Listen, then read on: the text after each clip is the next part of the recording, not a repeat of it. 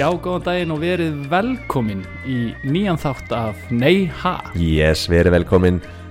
Veistu það, ég er búin að vera að hugsa þetta gísli. Nei ha mm, er svolítið eins og skápahommi. Við komum bara út þegar okkur langar Já, og þú veist, það margir að hveita okkur að koma út skilur við verðum bara að koma út þegar við erum bara já við verðum að vera tilbúinir erum að vera tilbúinir og, hérna, og, og við vitum að þú veist, þegar við komum út að þá er allir bara happy and accepting Já, og, já, þú veist, og þú veist It's all about the love sko. It's all about the love og þú veist og þessi þáttur er bara bara eins og pride, það Já, mæta allir Það mæta allir og Já. það eru bara allir í stuði Já. skilur og hérna og það, fólk, það eru skrúðgöngur og, og vagnar og Já, ja, ég vil alltaf að fá að halda það Ég- ég er oftast í vinnunni skilur, að ég veit ekkert hvað er að gerast á, já, á já. götunni skilur, Nákvæmlega, þannig að bara eins og homiskapnum þá Já. erum við komnir út í dag já, eða, þú veist, já, bara, en hérna sjáta þetta á Já. samtökun 79 já, kannski tóku þetta svo langt já, eh, þetta við var vorum kannski að, full langt við vorum að góða væpi en, en hérna, en eh, við sem sagt erum loksins loksins komnir aftur Já. hérna, eftir, við náttúrulega tókum rosalega gott hérna PR stönd fyrir síðasta þátt Já. fórum í útvarpið, svaka hæ, allir að hlusta setjum út þátt og svo bara búm, bara radio silence bara Já. fokki lengi sko. já, ég nefnilega sko um, ég er orðin peppaður fyrir að reyna aftur fjarkastæti. Já, og því að nú erum við komið langa lista af, um, af, Af hugmyndum. af hugmyndum sko og, um, og uh, ég saknaði gísli. Já, ég sakna það líka veist, fjarkasti er svona smá svo klám skilur Já. þú veist, it's nice and in person It- er it's það- better to have your buddy ne next to you. It's nicer. Já, yes, já, það er en rétt. hérna um, ég það var komið að mér að rannsaka og ég hérna fóru þetta, ga gamla góða hringin prófaði að skoða nokkra og einhverju gengi ekki upp og svo voru dead ends en, en ég Já. enda á því að- fjalla eða, eða researcha Já. Liam Gallagher og Oasis já, anyway, here's Wonderwall Já, Here's Wonderwall sko. og hérna, ég hafði nú heyrt mikið sko. og svona, þú veist, við erum náttúrulega bara kjúlar hérna þegar Oasis eru aðalkallinir sko. já, en við vorum kjúlar þeir voru bara rockstars skilur þeir eru bara svona, sí, svona síðasta brítið af rockstars Já, sko. og hérna nú er bara Ed Sheeran, nú er bara Ed Sheeran sko. hann er rockstjarn Já, og hann er ekki vonduð neitt sko. nei, nei, hann, er, hann er líka bara með svona fína klippingu já, hann er bara fína klippingu, þú veist, þeir voru bara vondir við alla, skilur, þú veist, þeir voru bara þú veist, já, bara sp- sparki krakka og Já. eitthvað og prumpa á gammalt fólk og eitthvað skilur, þú veist, við erum bara að tala um bara svona alvöru rock'n'roll sko. já, já það, það er líka the essence of rock'n'roll. það er bóðskapur að rock'n'roll. prumpa á gammal fólk prumpa á gammalt og fólk. sparka börn. En uh, ég, svona, við þurfum ekkert að hafa þetta mikið lengra við Nei. bara vind okkur í þáttin Já. ég er spenntur að segja frá þessu. Ég er bara- ánæður að sitja þarna með þér. segjum þetta bara aftur og fáum lagið anyway. Anyway, here's Wonderwall.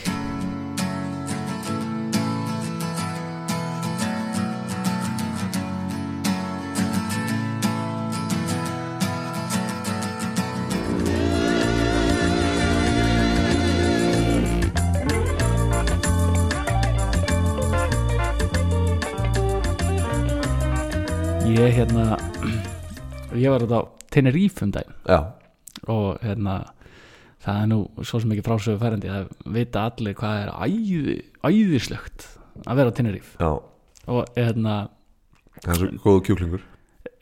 sko ef einhvern veginn farið á staða sem er einhvern veginn bara víbrur skilur þá er það já, það er bara væps hana já, og hérna og einhvern veginn góðu matur allstaðar og allir nettir. Já. Það er allir netti að tenni ég aldrei hitt lúðalega gæja á Nei, aldrei sko og þú veist hvernig gaurarnir eru á strandinni skilur já, já. Speedo. Já, en líka hinnir sölumennir á strandinni já, skilurðu, já, með útstöðun að blana Já, þarna eru skiluru good price for you my friend. Já. gaurar, út um allt skiluru þriðdags tilbúð, strákanar Já, já, bara með reyper í sólglerun og, Já, já. og gússi hérna töskur og eitthvað svona, þú veist. Já, já, Louis Vuitton og eitthvað svona já, Verkatsi og Já, já, bara, þú veist, alltaf í stemmingu, sko. Nema þeir voru alltaf að segja svona eitthvað random. Chicken nuggets, skilur til þess að reyna að grípa I'm, do you like, I'm chicken nugget eitthvað svona, þú til að reyna að grípa aðtiklina, eða Já. ég veit ekki, skilur þetta var e- eitthvað tricks, skilur I'm a chicken nema, nugget. nema, hérna þú veist, við erum eitthvað að tala um þetta og það er bara, já, það er að koma hérna very good, very nice já, skilur já, já, já. og það var eitthvað búið að tala um þetta þú veist eitthvað að grínast. Svo ég á svölunum á hótelinu. Þá verð ég alltaf að heyra svona very good, very nice. Og ég held sko þú veist að það var eitthvað svona göttinu fyrir neðan var bara eitthvað svona þú veist svona gæjar að spila og eitthvað svona skemmtara og eitthvað svona þú veist svona músík og bara Já. svona buzzing skilur svona fólk sko. já. En svo heyrur bara en svo bara finnst mér ég alltaf vera að heyra inn á milli. Very good, very nice. Og ég var bara svona þú veist sit út á svölum og er bara að hugsa einhvern veginn þú veist bara er, jingle. Já, já, bara er þetta þú veist, er ég að heyra very good, very nice? Eða er þetta bara eitthvað svona þú veist, eitthvað svona tune, eitthvað svona karaoke tune sem er bara eitthvað svona já, gæja að fá sms bara þetta hljóma svona eins og svona kathólsku svona já, já, þetta, very good, very nice já, þetta var eitthvað neginn svona skilur og þetta, þetta hljómaði svo mikið þú veist, ég heyrði þetta ekki alveg en mér fannst ég heyra very good, very nice skilur, en ég var samt bara eitthvað svona, nei, þú veist, að þetta kom svona þannig frequently já, að þetta var bara svona eins og þú veist, eitthvað svona tífúli hljóð skilur, eins og eitthvað sem er í eitthvað svona, þú veist, svona eitthvað svona bílaleik eða eitthvað Já, svona, þú já. veist, úr eitthvað svona tæki eða eitthvað sem væri eitthvað staðar já, já, já. sem var svona, þú veist, þessi melodía og ég var bara, ég satt út á svölum og ég var bara alltaf bara, ja, þú veist, er hann að segja þú veist, Þetta er bara eins og hljóð bara þegar þú klárar bara góðan leik af Pac-Man, það bara kemur að þú er búin að vinna, það bara very good, very Já, þú nice já, þú þetta var eitthvað svona melodía sem að kom með, með þannig intervali eins og þetta væri eitthvað svona leikjakassi eða eitthvað, skilur, Já. sem var bara eitthvað svona soundi, skilur Já. Og þarna, þú veist, er ég búin að vera í nokkra daga og við vorum alltaf að grínast eitthvað, já, koma hérna very good, very nice, gæðarnir, skilur þeir eru alltaf very good, very nice, eitthvað, þú veist, Já. með sólglerun nema svo er ég alltaf að heyra þetta jingle. Mm. og ég, þú veist var ekkert að fara að segja neinum það að ég væri að verða gæðugur skilur, Nei, þú veist, nei. ég var bara eitthvað þú veist, hvernig get ég verið að heyra þetta, skilur Já, nema svo bara hann að síðasta kvöldi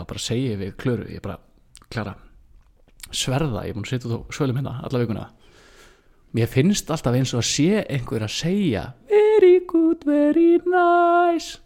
Og hún bara eitthvað, já, það er very good, very nice skurinn og ég bara eitthvað, ha, ha? Hann bara, já, já, bara frægur TikTok, very good, very nice skurinn á Tenerife.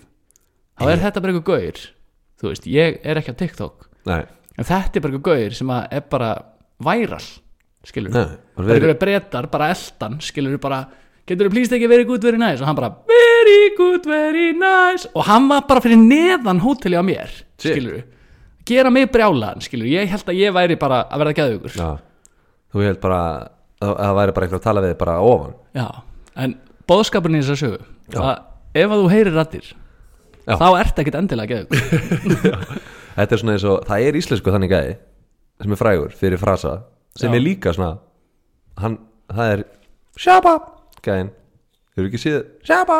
Gæðin, nei, bara, bara Shabba bílinn. Okay. nei, bara, ha, nei. Það er legendary gæði, það er einhver eh, hérna, ég veit ekki hversu hérna, sleipur hann er í íslenskunni en þetta er gæði sem hérna, er hann að skafa bíli sinn. Já, og hann er, hann er hérna uh, hann má segja að hann sé afriskur í útliti. Maður geti vil trúa því að hann væri frá Afriku einhvers staðar, ég veit ekki nóg um hann. Ég veit bara að hann er TikTok frægur.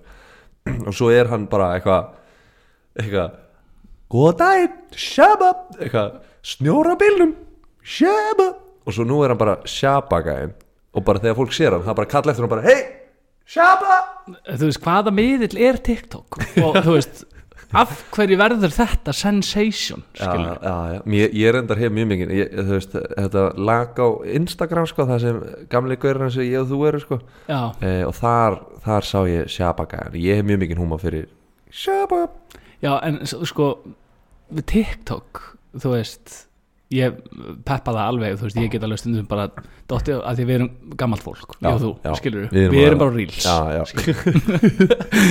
og hérna, þú veist ég nenn ekkert að uh, búa til enn einn aðgangin Nei, þetta ég er bara komið nóga að því að búa til aðganga sko. þú veist, ég hef bara mjög mikið aðgengi já. á internetinu það er verið að það sko, að entertaina mig allt og mikið sko. já, já, en þú veist, that being said ég er ekki að útiloka að ég Nei. búi ekki til aðgang á TikTok, ég er bara, I'm not there yet nei, nei, nei, nei, nei, nei.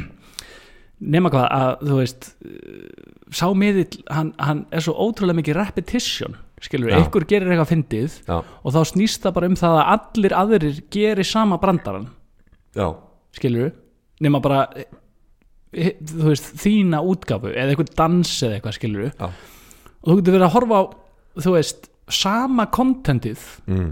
með svona slight variations í marga klukkutíma Já, já, sko TikTok er svona það er svona social media version af þú segir fyndin brandara og gæin við hliðina það segir að herra og svo hlæja, hlæja allir já, já, já, já, já, já. það er TikTok sko en hérna ég vil líka segja þér sög ég er hérna búin að vera á Íslandi núna í viku. Mm. og e, bróðu minn hérna, ég og bróðu minn er að vinna í saman í e, handriti og, og það er nú einu að en, en e, Jónas bróðu minn hann byrjar alla mótna í ræktinni. Mm. uh, og ég, hann ætlaði svona eila fyrst að bjóða mig með í ræktina. En uh, svo var ég ekki minni ég, ég pakkaði ekki neina íþróttadóti. Þannig að ég var ekki að fara að vera bara í sundskílinu í world class Nei, það er enda verið fokking gott lúk sko. já, já, ég menna þetta er góð, skíla og, og Bjössi í world class, hann er frændi minn skilur þannig ég getur já, þú er alltaf, þið er alltaf verið hlift inn.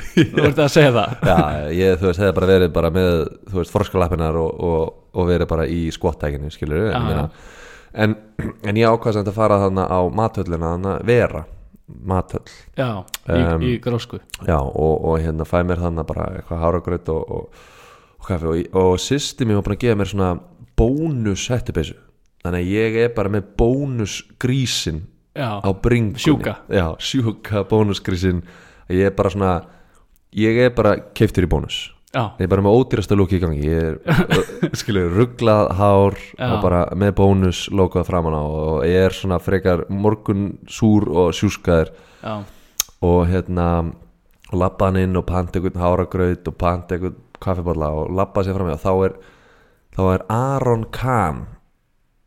Að gera hárgöld nei, nei, hann situr bara og er með svona endorasinu sínu. Já, þeir eru bara að vera nettir bara inni veru matöll Já. klokkan áttum átti og ég held að hann einu og eitthvað staðana en, en, en það er svona en þeir eru bara mjög nettir.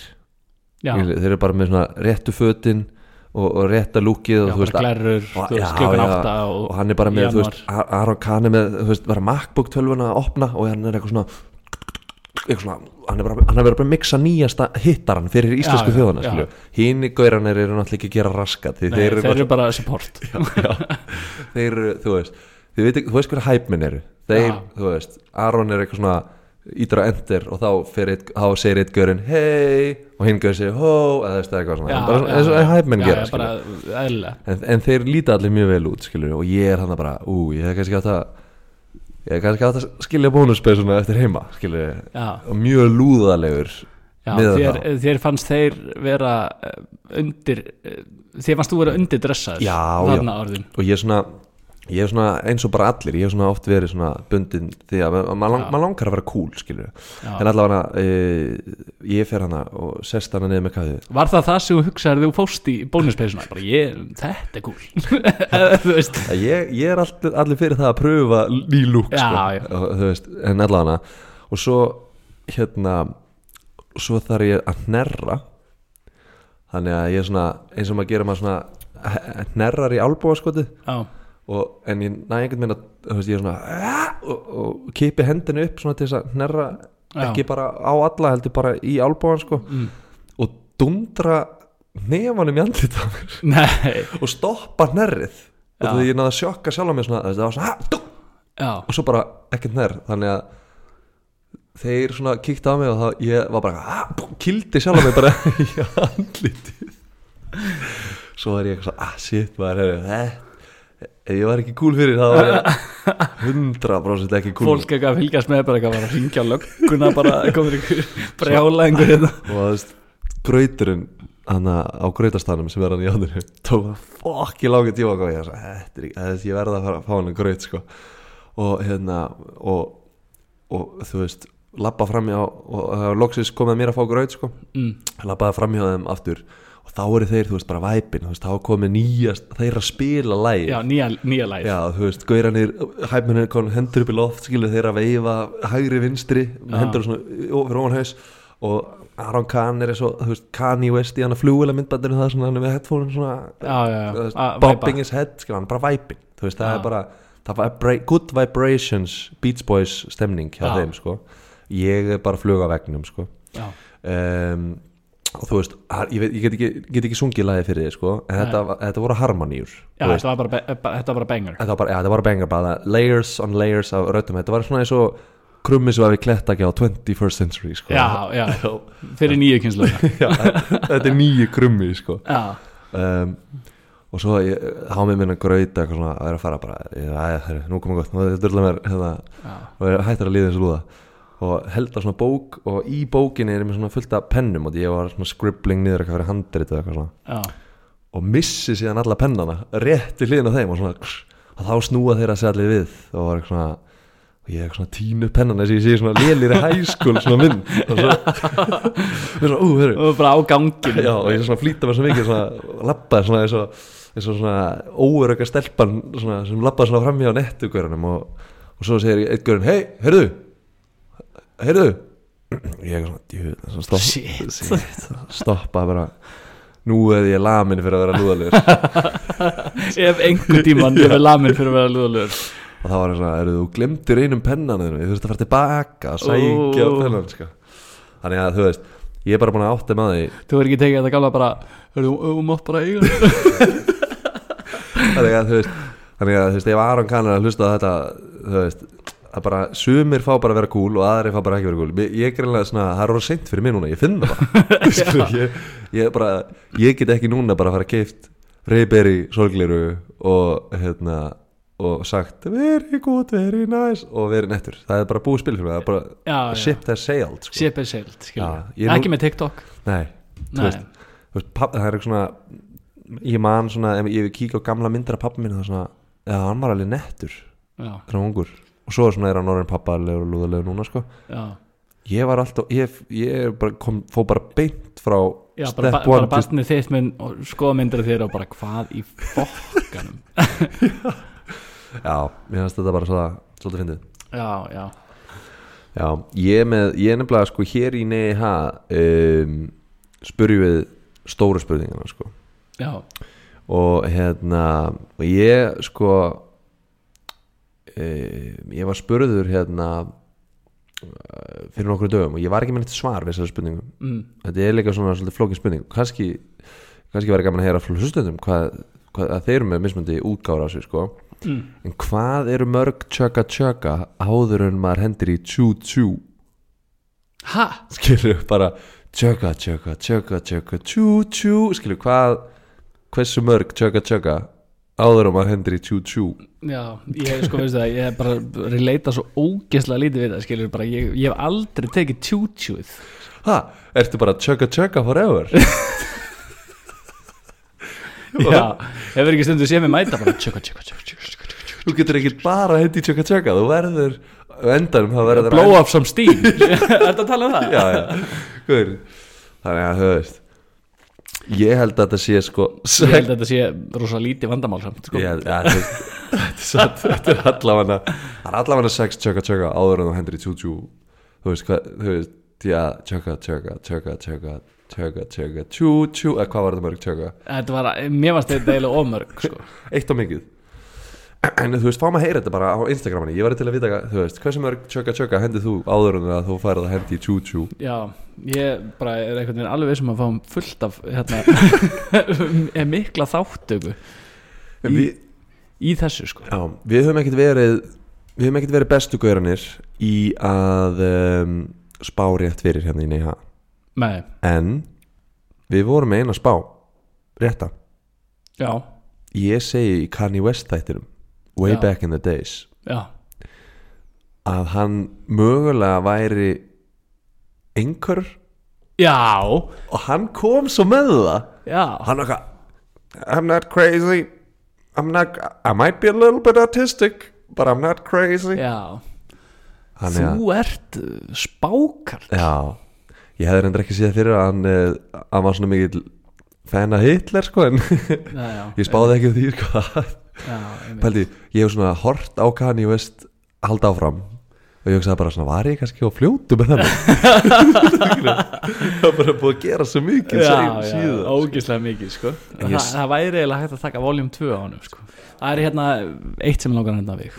Eitt sem við verðum að ræða. Já, stungu árusinn á bankastæð jésus sko, Já, hérna, það, við, það, það, veist, það er svo marga frétti búin að gerast síðan síðustu þáttur Við verðum að, backtrack. Já, nei, sko bara there are so many layers to this. Já. there are so many unanswered questions Já. skilur, þú veist. Bankastætti Club er eins og laukur. Já, Peel away the layers. Peel away the layers, ok nummer eitt, Já, og ef maður tekur nýf og sker þá fær maður tár í augun. Já, nákvæmlega. Það er, uh, já, that's the motto. Já, ekki til að ekki til að hvetja stungu ára en við þurfum aðeins að krifja þetta. Já, já, að það þarna verður upp í fótur og fitt það er greinilega einhver undir heima einhver, einhver, það er eitthvað fjút í gangi Já, já. menn eru ósáttir og, hérna, og menn verður ofta ósáttir. En síðan kemur þetta í frettunum ræðilegt, skilur, eitthvað stungin og það er náttúrulega aldrei gaman sko. Nei, það er ræðilegt svo kemur lekur mysteriously mimband Já, skilur þetta er svakalegt myndbætt og hérna og, og þarna sést mimband af, af hóp uh, 20 manns Já. strunsa niður í hérna eitthvað hérna gamla VIP-herbyggið Já, eða er já. og hérna þarna strunsa niður, strollana liði Já. þar býða bara tveir Já. skilur Þetta var svona eins og horfa á 300 Þeir standa hann í dýrakettinni Það mæta bara fullt af einhverju gaur mæta fullt af gæjum skilur og það bara fer allt í skrúuna númer eitt, já, sendu þeir bara SMS við erum tveir hérna að býða eftir ykkur hérna niður í, eða þú veist af hverju, það var ekkert að gerast þannig skilur ekki eins og að veri eitthvað svona partí eitthvað, þú veist, þeir voru bara að býða eftir örlögum sínum hana. Heldur að hvað sem móta á því Hleyfti einhverju baktar minn Já, Þess vegna ég fóru meina- þetta já, það er þeir hafa gert gamla triksið þitt og klifraði yfir já. Þetta var svakal en hérna það er hérna verður eitthvað algjört brawl. Já. nema hvað? Mm. að í myndbandinu skilur sjást bara allir hlaupa niður stigan bara fokki peppaðir skilur Já, nema svo kemur einn gæi á hækjum já, já hann- skilur Og og hann var, hann var sko langsíðastur skilur og hérna Voru með rýtingin tilbúin í gifsinu já en þú veist partí var eiginlega bara búið sko Hva, Hvað er að gerast? þegar að hérna, hann er langsíðastu niður já, og þegar hann kemur þá er partíið búið en þú veist hvernig var þetta, var þetta bara 20 manna hópur einn klárlega ekki í góða standi til að fara niður tröpunar en þú veist, og, þú veist var eitthvað svona samtal bara hérna, hvað, þú veist, vilt þú ekki bara býða hér, að maður, nei, ég ekki með, og, og, og hefur, ef þú horfður á myndu þá er líka gæi sem sér alla koma niður og hann hendur í elsta triksi það bara, já, bara, ú, heyrðu, ú, síminn. Ha, þetta er klikka já, er og hérna, en þú veist bara það að þetta minnband sé til er svo ótrúlega, hérna bara skeri já, og, bara skeri og við fordæmum þetta bara þannig að það sé á hreinu sko. já, já, já, fordæmum þetta en þetta bara, þú veist, þetta er ótrúlega myndband, skilur, Já. þetta er nánast eins og þetta sé leikið, Já, skilur, er- það er svo mikið að svona skrýtnum hlutum að gerast í þessu klikka með Og- og bara sem betur fyrir liðu gaurina sem það ráðist ég- já, Shit. Heyrðu, mér langaði líka að ræða við, eitt já, sem er styrla, sem er heldur ekkert eitthvað svona, þannig sem ég fyndið það er spendi en það var að vera að gefa út fyrir nokkru dögum síðan. Mm, mjög styrla bandareski herin Já. var að gefa út skýslu að þeir eru að dæla fullt af peningum í það að rannsaka UAP eða Unidentified Airborne Phenomenon já, sem er sér nýja orðið fyrir UFOs það er bara búið að, að leka fullt af myndböndum af bara bandariska flughernum. Að sjá ykkur að kúlur og, já, og, bara eitthvað, og, veist, og bara svona high quality bara fullt af bara, við veitum ekkert hvað er í gangi. Það eru bara eitthvað pillur svona stórar hvítar pillur að fljúa um heiminin og við vitum ekkert hvað þetta er. Já, já, það er alveg galið sko. þú veist, hvað já, já, Er veist, að bara, við getum ekki verið að pæla í þessu sko. þú veist, þetta er bara veist, ef að það kæmi geimvera og myndi lenda hérna, veist, það væri bara ekkert í sko vopnabúri hugans Nei. og þá er ég ekki að tala um eh, alvöru vopn, það er bara Ekki gæ- ekkert sem að gæti hjálpa að comprehend this shit, við hvað er að fyrsta sem maður myndi gera eða væri, eða þú myndi bara hitta veist, ég held ég myndi ég held ég myndi bjóða mig vörina. Já, ég myndi vera bara svona ú, er, þetta er svolítið, þetta er nýtt fyrir mér hérna, þetta er nikotínpóki viltu bjóða þetta, Þú veist, ég veit ekki hvernig ég myndi bregðast við nei, en þú veist, já það, já, já, þú veist maður bara, ég man, þegar við sáum eldgósið, skilur bara Já. að sjá það, það var bara hausinn á manni náði ekki utanum Nei, hvað var að gerast, skilur, þetta er Já. bara það crazy, skilur, bara hitin, hljóðin bara náttúran hérna bara og, og þú veist bara að horfa á þetta, þetta er bara gjössalega styrla, skilur, þetta er bara Mm. Eitthvað sem að ólíkt öllu öðru sem að þú myndir nokkuð tímann annars sjá eða upplifa skilur Mhm, og ég man eftir að hafa sagt bara eina sem getur toppað þetta er að sjá bara loftstein Já. koma á jörðina skilur það er eina eitthvað að finna á. En ef að kæmi bara já, já, væri maður veist, þá væri bara 100% viss um það að við erum bara stuck in a simulation bara it's the matrix já. En þú veist þetta er líka bara svona mér, mér líður eins og að eftir að hérna eftir að górilan Harambe dó mm, 2016 eftir það hafa hlutinni bara verið svolítið skrýtnir sko, þú veist. Bara Donald Trump raunverulega stjarnar var fórseti það er búið að finna gimmerur skilur já. og hérna Þú vilt meina það sem í að Harambi hafi verið að halda lokin á pottinum er það að meina það? Og svo Já, bara, já. deyr, bara síðasti vörður raumveruleikans górilan Harambi og þá fór bara allt í, í skrúfuna. Ég held að Harambe hafi verið Neo skilur já, hann var the one, the, The chosen. svo, svo, og núna er þetta bara orðið skrítið skilur, nú, nú er ekki hægt að botna upp niður. Það er bara þú veist, það er bara stríði í Európu og þú veist, það er bara þú veist, það er bara stungarásur á B5 Já. þú veist, það er bara ég meina, það, heimurinn er bara orðin skrítin en sem betur fer skilur við, eins og við höfum oft talað um. Já. við erum ekki hér til þess að- sölka about the reality sko. Nei, við erum hérna til að spurja sko, minni alvarlega spurningar eins og áðan með hversu mörg tjöka tjöka áður en tjú tjú Við tökum lífinu ekki og alvarlega og ekki þú gera heldur og ekki þú verið að hafa áhyggjur á okkur sko. Nei, hafð þú ekki áhyggjur á því sko. nei, nei. en nú er ég að hugsa um að, að fyrst að við erum bara hérna á Já. léttu nóturum Já, já, já. og, og erum bara hér til að gera grín Ætlar að fara að prumpa gammal fólk og nú ætlum við að fara að prumpa á gamalt fólk sko, og sparki krakka sko. Veist, það, við, það er komið að þessu Já, við ætlum að falla, fjalla um Liam Gallagher já, og The Oasis. Geðu og eða svona, já, þetta er eiginlega sko, málið er Oasis voru fjörumann hljósveit sko. En það Já. var eiginlega bara aðal tilarnir í því voru bræðirnir Liam og Noel Gallagher. Já, já, og þú, maður gerir ekki þátt um Liam Gallagher nema að tala um Noel Gallagher sko. þannig að þetta er eiginlega svona þetta er þáttur um þá, þetta er þáttur um Oasis en Liam Gallagher er í forgrunni sko. Af því að hann er fokkiruglaður þú, já, þú talar ekkert um Tómashúsin nema að nefna sinnub nei, nei, nákvæmlega. Og hérna, ég er hérna búin að smíða Já. nokkra sögur Já, og hafði mjög gaman af leiðinni. Já, og hérna, og er að hugsa um að að byrja þetta eins og við gerum oft. Já. og leggja grunninn. Steipa hérna plötuna. Hvað er byrjað þetta? í þessu.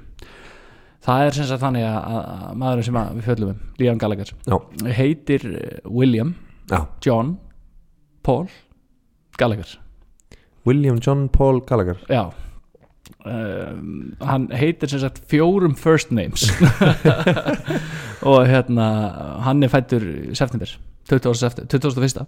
1972 Já, og hérna, ég ætla ekki að spyrja það hvað hann er gamall tekur alltaf langa tíma já. Já. það já, en hann sem sagt Liam Gallagher, hann var fættur og uppalinn í, í Longside hverfinu í Manchester á Breitlandi já, og hérna og foreldrar hans voru ískir innflytjendur, mm, hétu hérna Peggy og Thomas, eða heita Peggy og Thomas. Já, já, og hérna og þetta var svona, þú veist, típist hérna, flytja yfir hérna yfir, yfir til Bretlands eftir byltinguna í Írlandi. Og var að flýja hérna lætin var að flýja IRA já, flýja Í- IRA og, og hérna og þetta var svona bara lág innkomi fólk skilur, byggu bara í yðnaða borginni Manchester, skilur Blákraga fólk. Já, já, við erum að tala um það skilur bara að trén í Manchester sko, þú veist, sem eiga að vera hvít þau eru svört, skilur, það er bara kólareikur, skilur, það Já. er ekki það er ekki einu svona frí á nýjársdag Nei, í kólareiknum, sko nei, þú veist, nei, og, og, og harður yðnaður, skilur, við erum að tala um það að fólk, fólk er með skán, sko, það eru bara allir veginn, það eru allir bara með skán á sér, skilur, já, já. Þetta er bara harka þarna, sko. Það er bara harðbotna skór áður en þau út í búð. Já, já, já, þú veist, við erum að tala um, þú veist, fólk er ekkert að sópa ef að brýtu glerflösku, skilur Nei. þú veist, það er bara, þú kemur árið setna ennþá glerflöt, skilur Já, já, já. Og hérna en, en, en eh, sem sagt hann á tvo bræður Já. og hérna bróður sinn, Nó, Noel. Já. og hérna, og svo eh, elsti bróðurinn sem heitir Paul. Já og hérna og þetta var nú hérna, Hann heitir William Paul William John Paul Gallagher. Og svo er bara Paul líka eldri bróður já, og svo bara Paul eldri bróður þannig að, að hérna bara elska Paul. Já, þau er bara að elska það sko. Og hérna, en, en það var sem svoleiðis að þegar að Liam er, er sjö ára gamall mm. að þá fekk Peggy alveg nóga kallinum sko, Thomasin og hérna og tekur pegana bara, flytur út. Og, og svo fjórum árum setna skilja þau sko, formulega, nú, já. Ekki spyrja mig af hverju sko nei, nei, nei, nei. en, en það var sem sagt þannig að pappan sam var uh, þótti öli gott sko. Og hérna þess var sem ekki að klera á göttunum hann var alltaf að mölva. Hann var alltaf að koma heima pöppanum og, og taka triksi, klára flöskuna og þrum henni bara í húsvegin skilur við fyrir utan.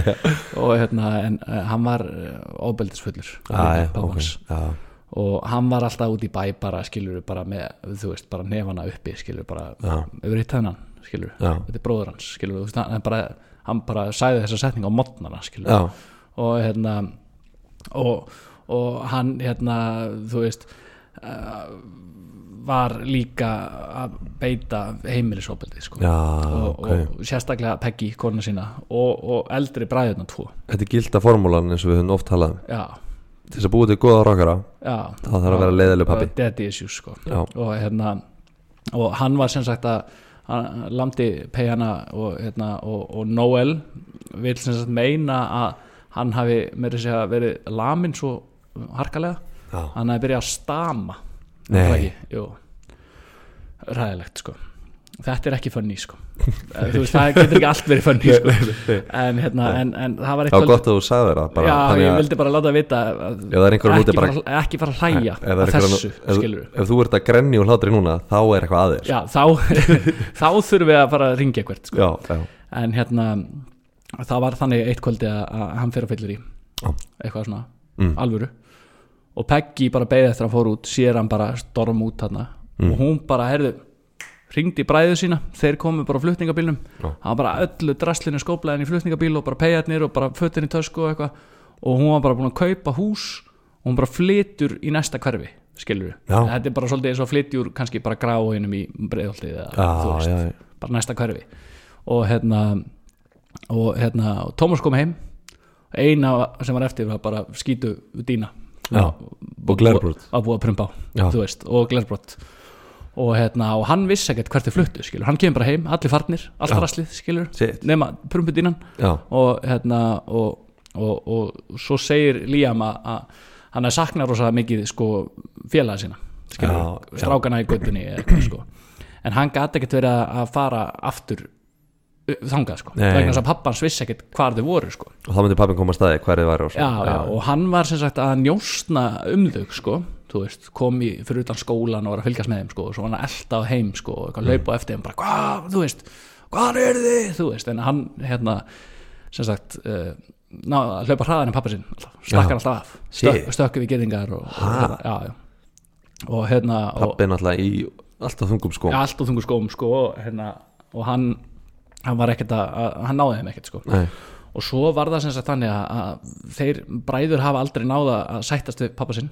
Nei, og, og það var nú eitt sinn þannig eftir stóra Oasis tónleika á Írlandi að þá fóru þeir á pubban bara fá sér öllra og þá situr pappi þeirra inn á saman pub bara by coincidence. Og þeir eru þarna orðin frægir. Já, já, coinciding nema hvað að Liam bara trillist skilur og hérna og Noel bara bróðans bara þetta haldun bara róa niður skilur og svo var það sem þannig að, að það lag til The Sun upptaka af símtali sem átti sem sagt að verið eh, Liam að ringi pappa sinn og segjast myndi að brjóta hann um báða sköflunguna ef hann myndi nokkuð tíma að sjá hann aftur.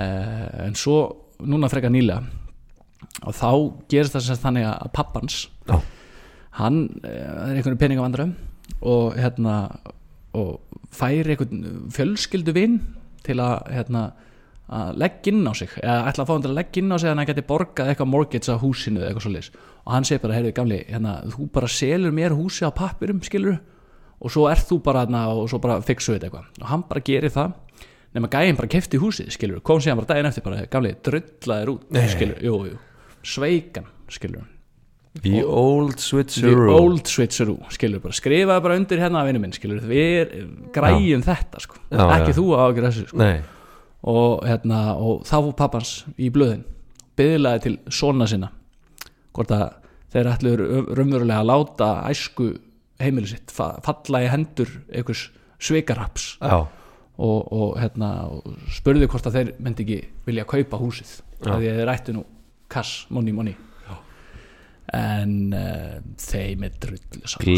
Bara gamli staukur. gamli, sko, ekki fokki sko. nei, nei, nei en þetta er, þetta er nú veistu bakgrándið sko. Já, þetta er þungt bangar þetta er þungt bakgránd Ég kann að halda dýni já, þú veist, diamonds are just made under pressure sko. Já. þú veist þetta sko. Það er rétt, það er rétt sko. en, en hérna en, en uh, það já, það má eiginlega segja að þetta hafi alveg komið að sök vegna þess að þeir eru fokkin klikkaðir sko. Já, já, já, já, en það var sem sagt árið 1994 mm, þá átti hljómsveitin Oasis mm, farið sinn fyrsta Evróputúr. Mhm, og það var sem sagt þannig að, að þeir hérna fara og spila á eitthvað svona sem var svona semi eins og músiktilunir bara, þú veist, voru með fjögur lög skilur og ég, ég er að tala um áður, skilur, bara þetta er bara hann að þeir eru að byrja.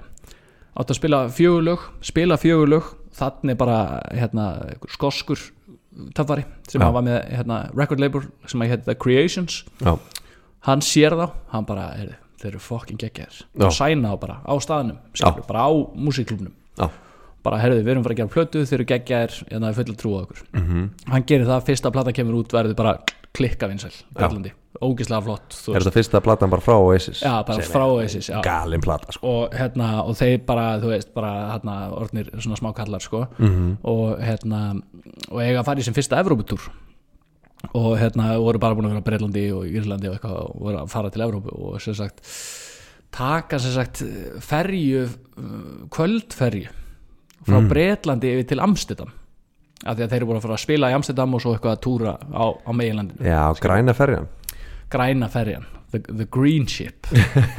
Og hérna og þetta var náttúrulega í svona eitthvað overnight þú veist, settingi skilur 94, þú ert Já. á bryggjun í Manchester skilur. Já, já og hérna, þú, þú ferð ekkert í hvítum skóm skilur á bryggjuna í Manchester skilur, Nei, við erum að nei. tala um bara alvöru þar er kóladrulla sko, á bryggjunni sko og hérna, og, og þú veist, það er bara þú veist, það er eitthvað svona þoka, þokurigning skilur Já, og veist bara fara hérna í the green ship skilur Já, bara græna ferjuna til Amsterdam og, og hérna og þarna inni skilur það, þetta er bara sódóma fattar í, í ferjunni? Já, já, þú veist, þannig er bara spilavíti og það eru hérna, strippsúlur og Já, veist, það er bara allur pakkin, skilur. Bara gamalt túbusjómar Já, og bara reykt inni, skilur, Já. það er bara engum dettur í huga reykja úti á bátnum, skilur, Nei, veist, nei, nei, nei. Nema, hérna, og, bannar ekki úti. og þarna inni er hellingur af fótboltaböllum. Já, og hérna að fara á einhverja fótboltaleiki þú Mm. veist, á meginlandinu.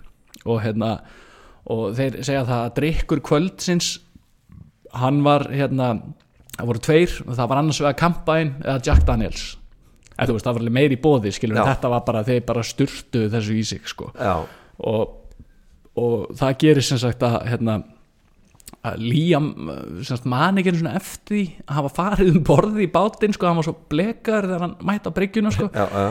en svo eru hérna einhverja vestam fótboltabullur skilur, og þeir strákarnir eru úr Manchester og eru Manchester City fans Já. til þeir dæ sko. Já. og, hérna, og það byrjar eitthvað skilur hérna, eitthvað kýtingur sko.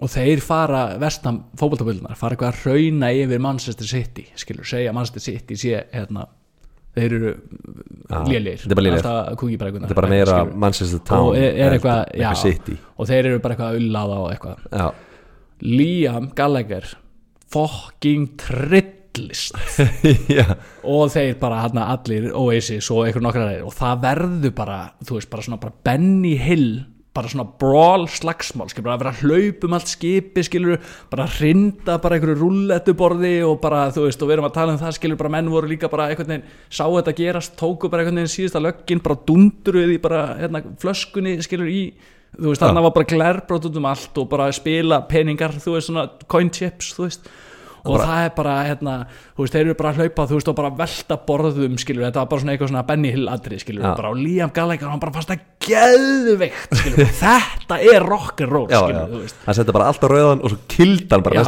og við erum að tala um, skilur, þetta er bara nætur þú veist, þetta er ekki, er ekki herjólfur, skilur, þetta er ekki bara 45 mínútur, skilur, við Nei. erum bara að tala um, skilur, þetta var bara, þetta var bara eins og stríð. þetta er bara nokkra daga sigling. Já, já, þetta er bara overnight, skilur, þetta var bara öll nóttin var bara allt í crazy, skilur fáu samt spilavíti á herjólf ég væri til Já, það. ég var, já, efstæðina, skilur, Já. verðum að fá það, Já. uh, nema hvað að síðan náttúrulega bara kemur báturinn til bryggju og þar er náttúrulega bara komið skilur, það var bara búið að vera óerðir í nætuskútunni þannig Já. bara í marga klukkutíma, sko var þetta bara svo Captain Phillips bara I am the Captain Já, now bara I'm the captain now, Já, já, já. já, Tjóðra hann skipstjóran og, og hérna, nei, allt í, allt í ruglana og bara enda með því að það eru allir hljómsveitamæliminir handteknir skilur, löggan bara stormar hann inn skilur, þeir bara eitthvað hlaupum skipi og löggan að elda, skilur, og Noel var þarna bara, heyrðu, heyrðu, ég ger ekki neitt, skilur, ég bara er að reyna að róa þetta niður hérna, skilur, veist, hann, hann hefur alltaf verið svona the wiser, já, sko. Löggan sem sleppir því að handtaka hann en hann tekur alla hina meðlimi Oasis, skilur bara beint í, beint. bara í steinin Já. skilur, með þá og bara Noel skilur er bara eitthvað að tala að löggan bara, heyrðu ég verða, losa, við erum að fara að spila tónlingu og það er bara, nei, þið eru ekki að fara að spila á neinum tónlingu, kallið minn, skilur. Nei. og þannig bara búið að panta, skilur við ykkur tónlingallir og eitthvað frá eitthvað. Og hann bara tekur upp síman, skilur bara, shit maður, ég þarf að ringi fucking umbúsmannin ringi skotan ringi skotan hérna. Já, og hann bara eh, svarar eitthvað hann bara, hei, hann bara, þið mættir. Hann bara, þið hérna eða? Hann bara, hvað, hvað er í heyrðu við hérna svona löngsaða stutt sko, það er búið að handtaka alla sem sagt, nema mig. Og eh, við erum búin að vera í slagsmálum hérna við fótboltabullur í þrjá klukkutíma. Við rústuðum bátnum og við megum ekki spila. Þeir er allir ekki að hleypa okkur skilur, það var bara að senda okkur úr landi. Já, og umbóðsmaðurinn bara í síman bara brilliant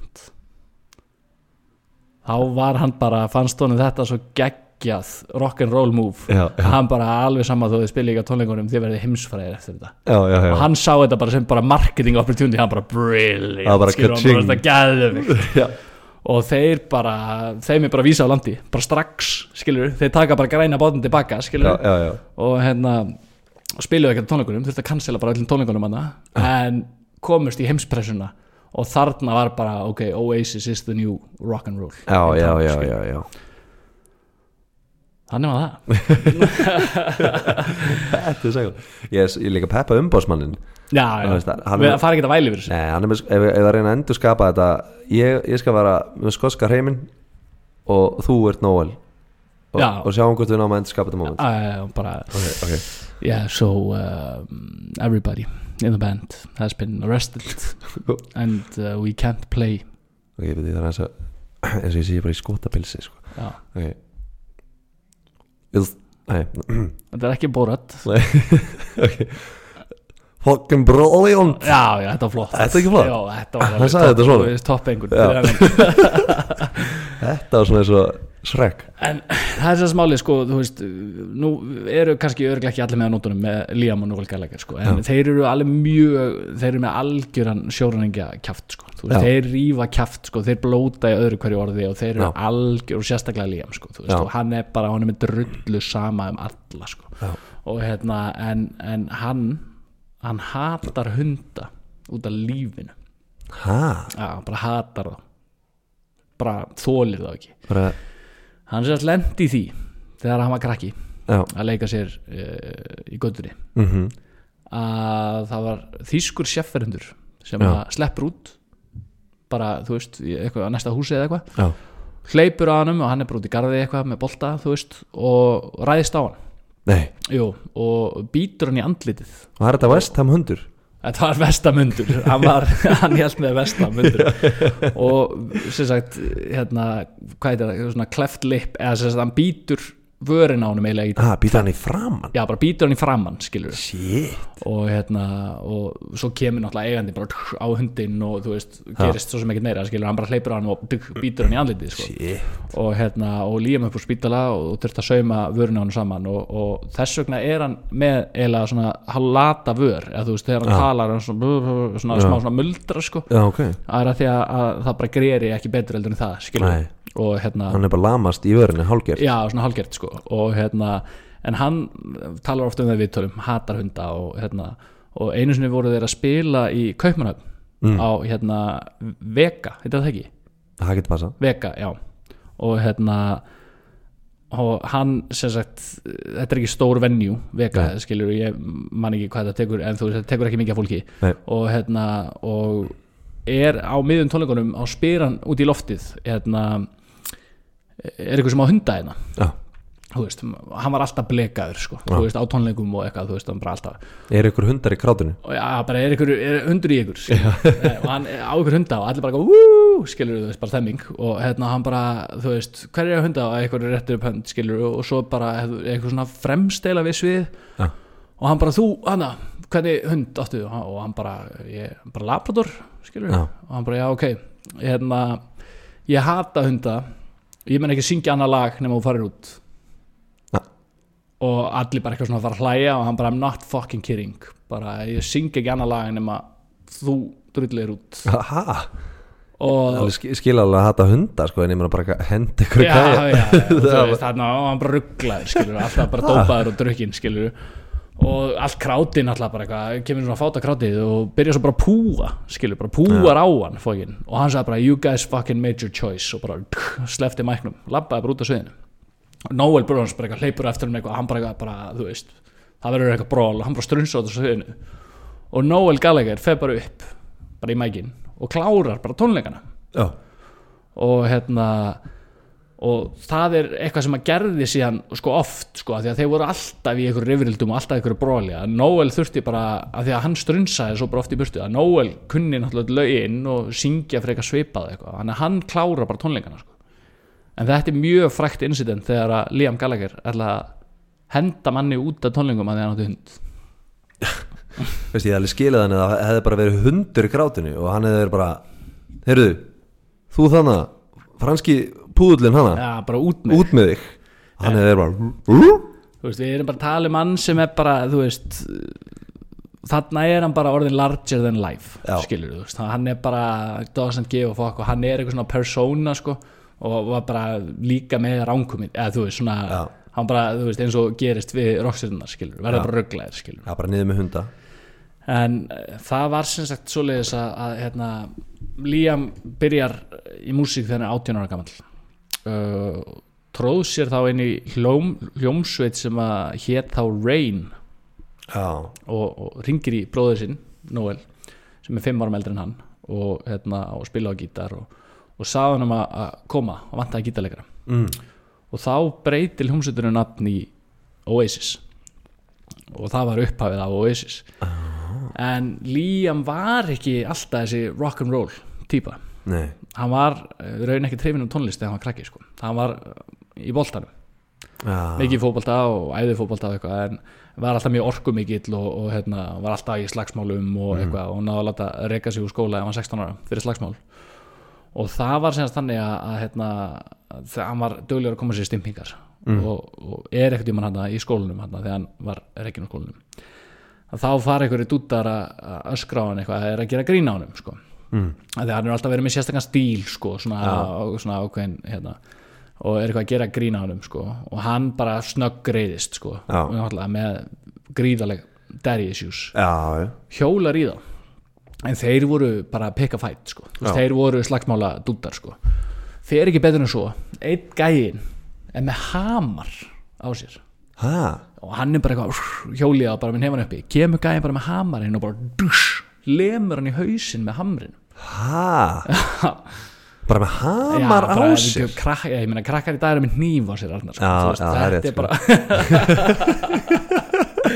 það var reynda kannski svolítið mikið viðbúru að vera svona sjokk yfir hamarinn já, já, en þú veist, þarna var hann bara skilur förum aftur í hamarinn, slepp með þessum hníf sko. já, já, hamarinn var svona til dæla solid sko. en hann auðvitað bara var vangast skilur Já. og, hérna, og tók smá tíma hann að bata en, en eftir það þá fekk hann tónlist á heilan var dolfallin af, Já. elskaði bítlana bara út af Já. lífinu. Og, og eftir eftir, eða svona stuttu sinna þá fór hann á tónleika með Stone Roses. Mm. og sá hérna rock'n'rollers bara á sviði. Og hugsaði bara með sig bara, þetta ætla ég að gera. Ég ætla að vera rockstjarna Já, ok. Það veist myndi ekki eitthvað mæla með því ef þú vilt vera rockstjarn að dundra hamri í hausnum á þér Nei, Ég myndi ekki mæla með neitt sko. Svona 1% chance að það myndi virka. En ég meina, geggja að þetta kom út í það Já, og þú veist, og hann er með svona sérstakann söng Já. hann er með sérstakann rödd og svona söngstíl sko. Og hann vil meina það að það hafi bara ekki verið til staðar fyrir þetta höfug sko. það er klík Já, þetta var klík það það var bara what, þú veist, pældi þú veist, að það er miljón hluti geta skeð við að fá hamar í hausinn. Já, já.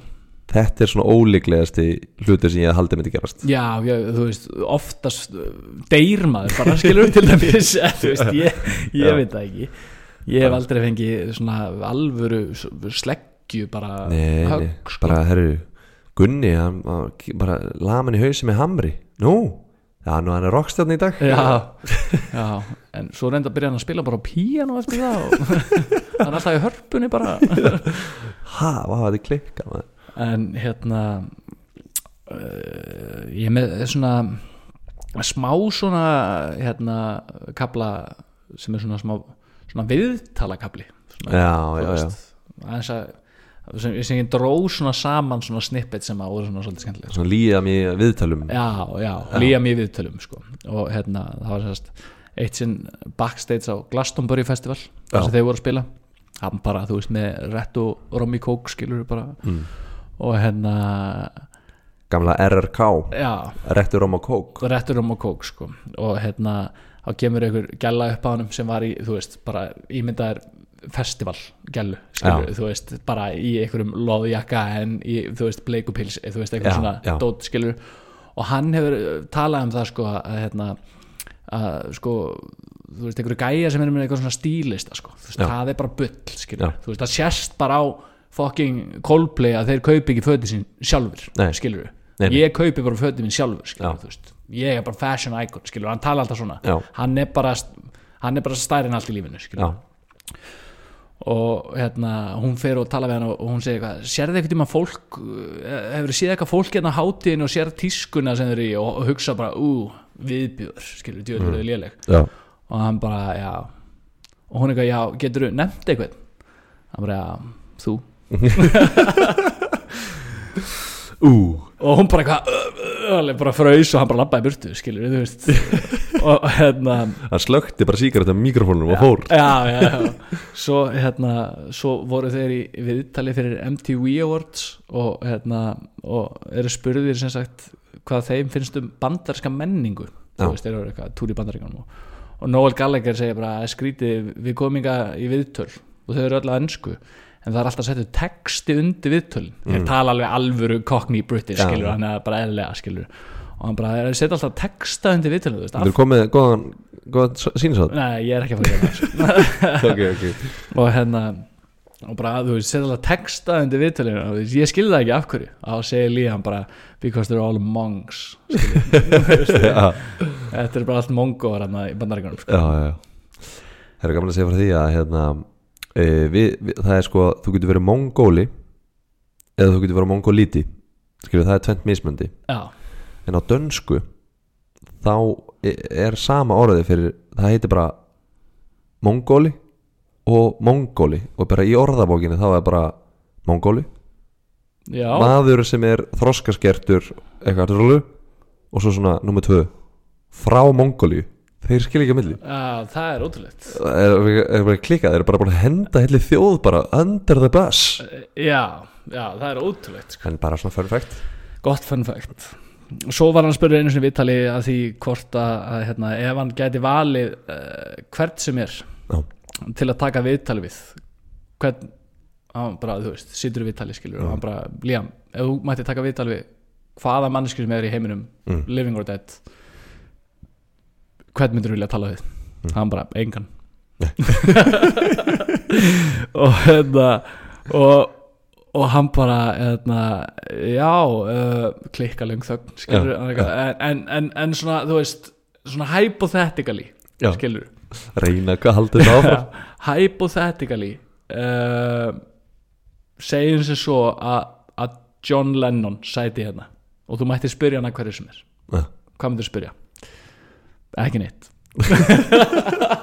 Það myndi ekki eins og spyrja hvort hann eitthvað síkó. Nei, nei, og, og, og spyririnn er bara svona aftur þögn bara, uh, sko, ha þú elskar John Lennon og Beatlana skilur, þú ert alltaf að segja, þú elskar John Lennon.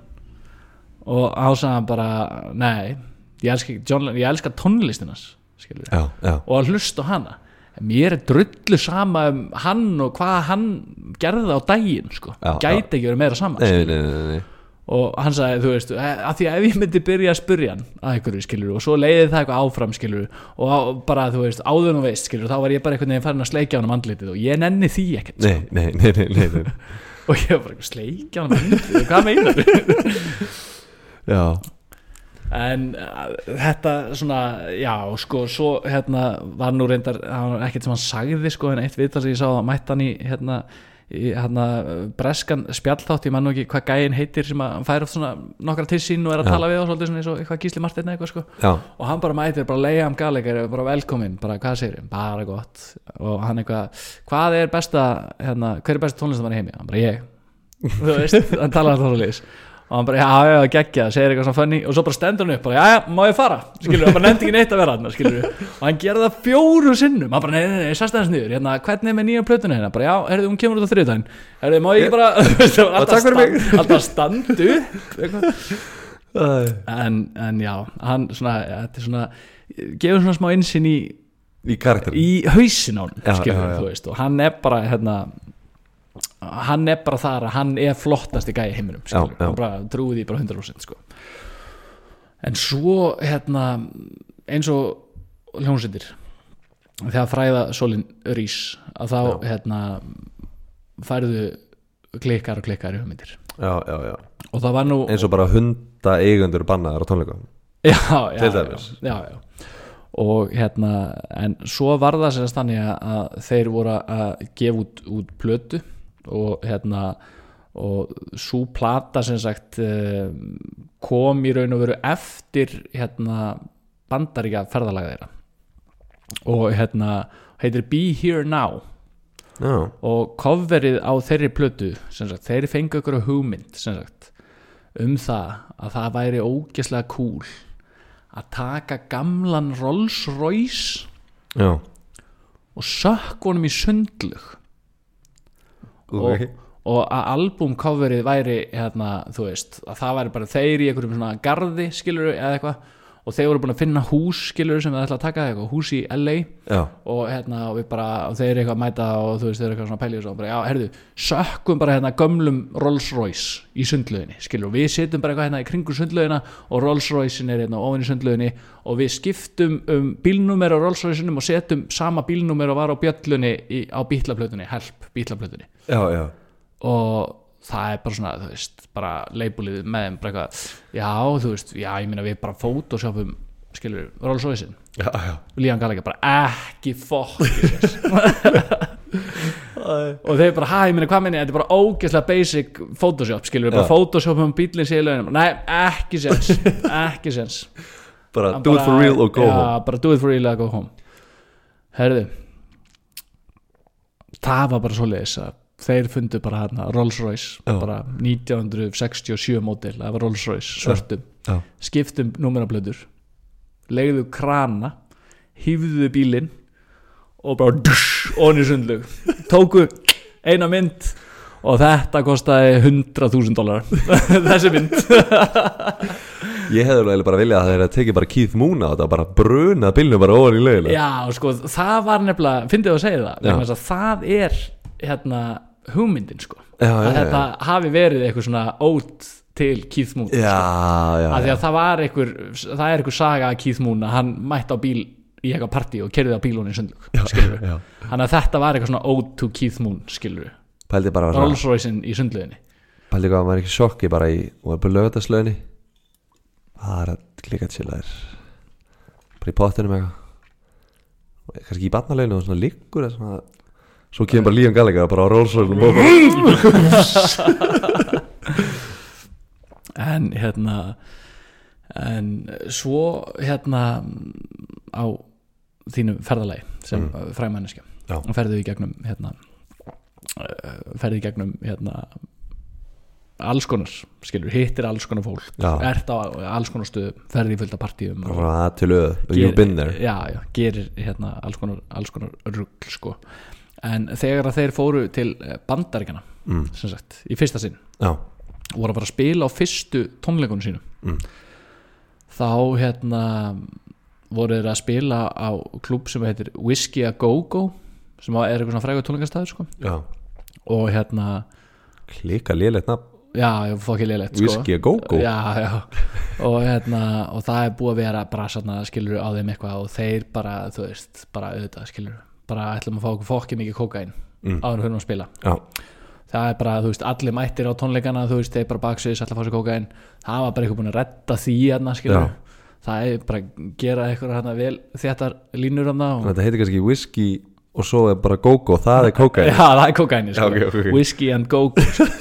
og hérna nema þeir bara, hérna, græði eitthvað línur þú veist, bara taka bara góða línu Mm. Já. í nefið nema hvaða, hérna byrðadeildin eða sem sagt, öllu heldur maðurinn sem að sá um að skaffa kókainið já, hafði ekki skaffaði kannski alveg rétt kókain þetta var sem sagt crystal meth. Og þeir taka heila línu að crystal meth oh my god. Já, og þeir bara rústast skilur, þeir eru að fara að spila hérna, þú veist, hérna var bara búið að plugga bara, heyrðu, þeir eru að fara hérna í bandarækjatúr þeir eru að fara að spila þessum hérna sögufræga whisky a go go klúb skilur anyway, Þetta bara the bara- first time I did crack. Já, já.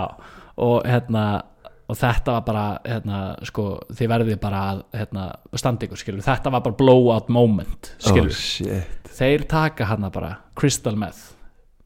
Hérna bara í nefið, oh my god. Uh, hérna og verða bara, styrlaðir og hérna já, já, já, þetta var, já, þetta var crack Já, sagt, já, það var til eitthvað sem heitir crack cocaine. Já, já, þetta var blanda af crystal crystal meth meth og kokain þetta var það ekki, ég hef skrifað hérna crystal Já. meth, en hérna það var crack kokain og hérna taka bara fokkin, klikka einhverja línu, skilur já, og verða bara eitthvað rugglaðir skilur fara upp á svið er að fara að byrja að spila svo bara fyrsta, þú veist, og þeir eru bara svona smá út í því bara fyrsta lagi, bara tala í fyrsta lagi og bara og það byrjaði bara hver einasti tónlistamælumur að spila sikkort lagið. Nei. Jú, þú veist, þeir voru bara, þú veist, bara einn ætlaði bara að byrja hérna á Wonderwall og hinn bara á Don't Look Back in Anger, skilur, og þeir byrja bara allir á sikkort og þetta verður bara skilur, þú veist, já, og bara algjört flopp skilur Já. bara og allir brjálar á tónleikunum og Noel Gallagher bara herrið skilur hann bara, herru, ég er hættur. Bara þessu nenni ég ekki skilur bara alltaf, þú veist, hann var svona the wise one skilur, hann Já. var svona samt ruglaður sko og, og rock'n'roller sko en ekki 50% af bróðið sinum sko. Nei, nei, nei það snýrist um músikina fyrir Noel. Já, þetta snýrist um músikina fyrir Noel en þetta snýrist um the rock'n'roll fyrir Liam já, alltaf já, sko. og hérna, og hann bara strunsar út skilur, ég er bara hættur. Já, og þeir bara eitthvað, þú veist, allir rugglaðar á því og bara, þú veist, bara eða, þú veist, þeir gátt ekki spilað, skilur þeir voru bara fokkaðir. Og hérna, og Noel hverfur segist bara að vera hættur og þeir bara, fuck, skilur bara að ná í hann, ná ekkert í hann hann bara hverfur í tvo daga. Svo er bara næsta sjó bara í San Francisco og þeir eru bara allir mættið þangað. Og bara lappar Noel inn og hann bara herri, ég er búin að chilla, ég er ekki hættur. Nei ekki múin að sofa í fjóra daga. Nei, og þeir eru ekki búin að sofa allan tíman sko. þú veist, hann sagði það bara að þeir bara sváfu ekki í þú veist, tvo þrjá daga skilur. Oj, hvað er sjúkt maður. Já, já. en en, en eh, einu sinni þá þá hérna var GQ Awards. Já, það var rétt um þau. Ég veit hvað GQ Magazine er. Já, þetta er sem sagt eh, svona, GQ Magazine er svona kalla svona magazine eða svona eiginlega svona fashion eitthvað svona þú veist. já, já, já. og, hérna, og þeir eru með svona GQ Award sem er bara eitthvað nettast í guðurinn eða flottasta rockstjarnan eða eitthvað svona, veist, þetta er bara veist, þetta er svona eitthvað svona Grammy velun eitthvað svona stemming sko. Já, og hérna eh, Sasha Baron Cohen. Já, það mikla legend. Já, það er mikla legend, Borat hérna. mm hann eh, var að fara að mæta á GQ Awards já, og var hérna kynir eða þú veist svona með eitthvað ræðu þú veist. Og þetta er haldið í London og, og Sasha Baron Cohen segi við konuna sína að hann sem búin að vera að hugsa málið hann ætlar að segja brandara um Liam Gallagher. Og konan hans bara nei, bara alls ekki skilur hann er fokki rugglaður sko. Þú veist, hann er bara ofbeldisfullur og þú veist, hann er bara að fara að drepa þig já, já. og hérna og Sasha hafði nú ekki mikla áhugjur á því sko. Nei, þú veist, hann bara hvað, hvað meinar hann er rugglegasti prankster í, í heiminu já, já, hann bara hvað meinar þú veit, er hann ekki að fara að lemja mig skilur, svo mætir hann. Og er eitthvað svona baksviss eitthvað, þú veist?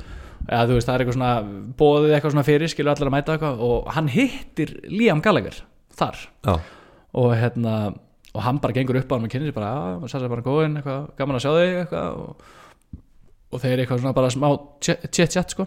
Nema Sasha bara góðin segi við hann eitthvað heyrðu hérna, ég ætla bara að spurja þig leifis, skilju ég er að fara að vera hérna með ræðu eftir og ég hafði hugsað mér að segja brandara um þig Já. skilju, er það í lægi eða? Mm.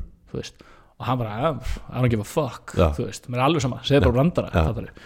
Og hérna, og allt í góð með það. Og, og svo fer uh, Sasha upp, skilur, er með sína ræðu og segir eitthvað brandara og eitthvað. Nema segir ekki brandara um hérna Liam Gallagher þú veist, bara, gleym, bara gleymi því, skilur, þú veist. glimti brandaranum sem var búin að fá leiði fyrir. Já, gleym, bara glemdi, þú veist, hann var bara í einhverju gýr og eitthvað og er að segja fullt eitthvað svona og svo bara varð ekkert úr því, skilur, og þú veist, það var engin ákvörðun, skilur, hann bara einhvern já. veginn, bara, þú veist, var ábyggla með 100 brandara en bara sagði ekki Liam Gallagher brandaran, skilur nema svo bara allt í góð með það og, hérna, og svo er eitthvað eftirparti, skilur, cocktails and drinks eitthvað Mhm, og Sasha bara eitthvað lappar inn í það eftirparti og hérna, það er svona sófi. Já, og í sófanum situr Liam Gallagher já. og Bono. Sitja hann að lifi liði í sófanum. Líam Gallagher og Bono labban og bar. Já. og, og svo kemur Sassa bara að koma Já, og Sassi bara bara, ú, sér að það er laust sæti við liðin á Bono. Og hann bara eitthvað, já, já. Setjast með strákurum, eitthvað svona Já, lappar að sófanum tillir sér sófan og hérna og uh, hann sem sagt eh, bara eitthvað, segja sælir eitthvað, og Liam Gallagher hann bara blekaður, Já, skilur hann var alltaf blekaður og rugglaður, skilur og hann bara hérna, Liam eitthvað sem hallar sig fram horfi bara beint í augun á hann og bendir á hann bara, you bendir á Sassi bara kóin Já. who's the greatest fucking living rockstar og Sasha bara kóin og bara uh, hann bara who's the greatest fucking living rockstar og hann bara eitthvað ég, ég veit ekki, Stevie Wonder? Eitthvað. Og hann bara Stevie Wonder? Hann er bara já. Stevie Wonder's not a rockstar skilur þú veist, he's popular. Bara like syphilis. Syphilis is popular. Og Sasha bara komið bara uh, syphilis bara- is not popular. Eitthvað og hérna Það er átt að segja Bono. Já, og hann bara, þú veist, hann bara eitthvað, þú veist, hann, hann er ekki, þú veist, sá, þú veist, sárasótt er ekki vinsæl, þú veist, segir Sasha bara góin og hann bara, who's the greatest fucking living rockstar, skilur og hann bara eitthvað, uh, ég veit ekki, Bono? Og hann bara eitthvað, nei. Who's the greatest fucking living rockstar? Og Sasha bara, þú veist, ég bara obviously, I don't know, skilur, segðu mig bara eins og þetta sé bara getur betur. Já, hann bara, ég, ég veit ekki, segðu mér það bara. Og Liam Gallagher hallar sér aftur og bara John Lennon. Og Bono bara eitthvað hérna, Hate to break it to you. Já, bara Bono og Sasha þeir bara eitthvað, hæ, þú veist, hvað meinar við, þú sagði living rockstar. Og hérna og hann bara já, John Lennon er á lífi. Og þeir bara eitthvað, þú hvað meinar ha, hann bara stendur þú veist Liam Gallagher upp, alveg blekaður bara stendur upp, fer svona upp á sófan og hann bara ég er John Lennon! Og mistigur sig einhvern veginn á sófanum dettur og bara dundrar haustnum á borðið fyrir fram að sófan skilur bara snýr sér í mítið við horfir á Sasha Baron Cohen bara eins og hann hafi hrindunum skilur og hann var þarna bara, heyrðu ég þarf að fara að fara. Og bóna bara, þetta er allt í góð svo lengi svo ertu liðin að mér skilur, segir það við hann. Já, Og- ef þú myndir vilja einn mann í, sem wingman. Já, það er það bónus sko. í fætt við Leon Gallagher. Og viltu helst vera með Bono. Já, já. og hérna og hann horfir á hann bara hérna og hann bara, á hann og hann bara, af hverju sagður ekki brandaran um mig? Sem hann ætlar að segja. Og hann bara, ég bara, þú veist ég bara glemdi, skilur. Já, og hann bara, you fucking cunt skilur, Já. bara, akkur sagðir ekki fucking brandarann og hann bara, ég, þú veist ég bara glemdi, því, skilur, þú veist ég, hann bara, I'm gonna stab you in the eye og þú veist og Sasha bara komið, bara, þú veist, ha ég hef aldrei fengið svona nákvæma hótun, Já. skilur bara í, au, í augað skilur, já, já. og hérna en þú veist, bara við þetta skilur bara, hann datt hann og hann eitthvað svona vangar hann bara, ég ætla bara að fara að fá um bjór skilur já. Og Sasha Baron Cohen bara hérna, hann er ekki ennþá búin að stinga mjög öð en hérna en ákvaða að, hérna, hins vegar að, að þegar að hann gaf út síðan uh, bíómynd sem heitir eitthvað Brothers Grimsby eða eitthvað já, já, já. að þá beisaði hann lúki á kartinu sínum á Liam Gallagher til þess að get back at him fyrir þetta stönd Já, er þeir eru fokki líkir í þeirri mynd. Já, já, hann beisaði karakterin á, á Liam Gallagher. Hversu forvitin er ég á hana brandar líka? Hvaða brandar er þetta? Þetta var eiginlega geðið eitthvað brandari sko.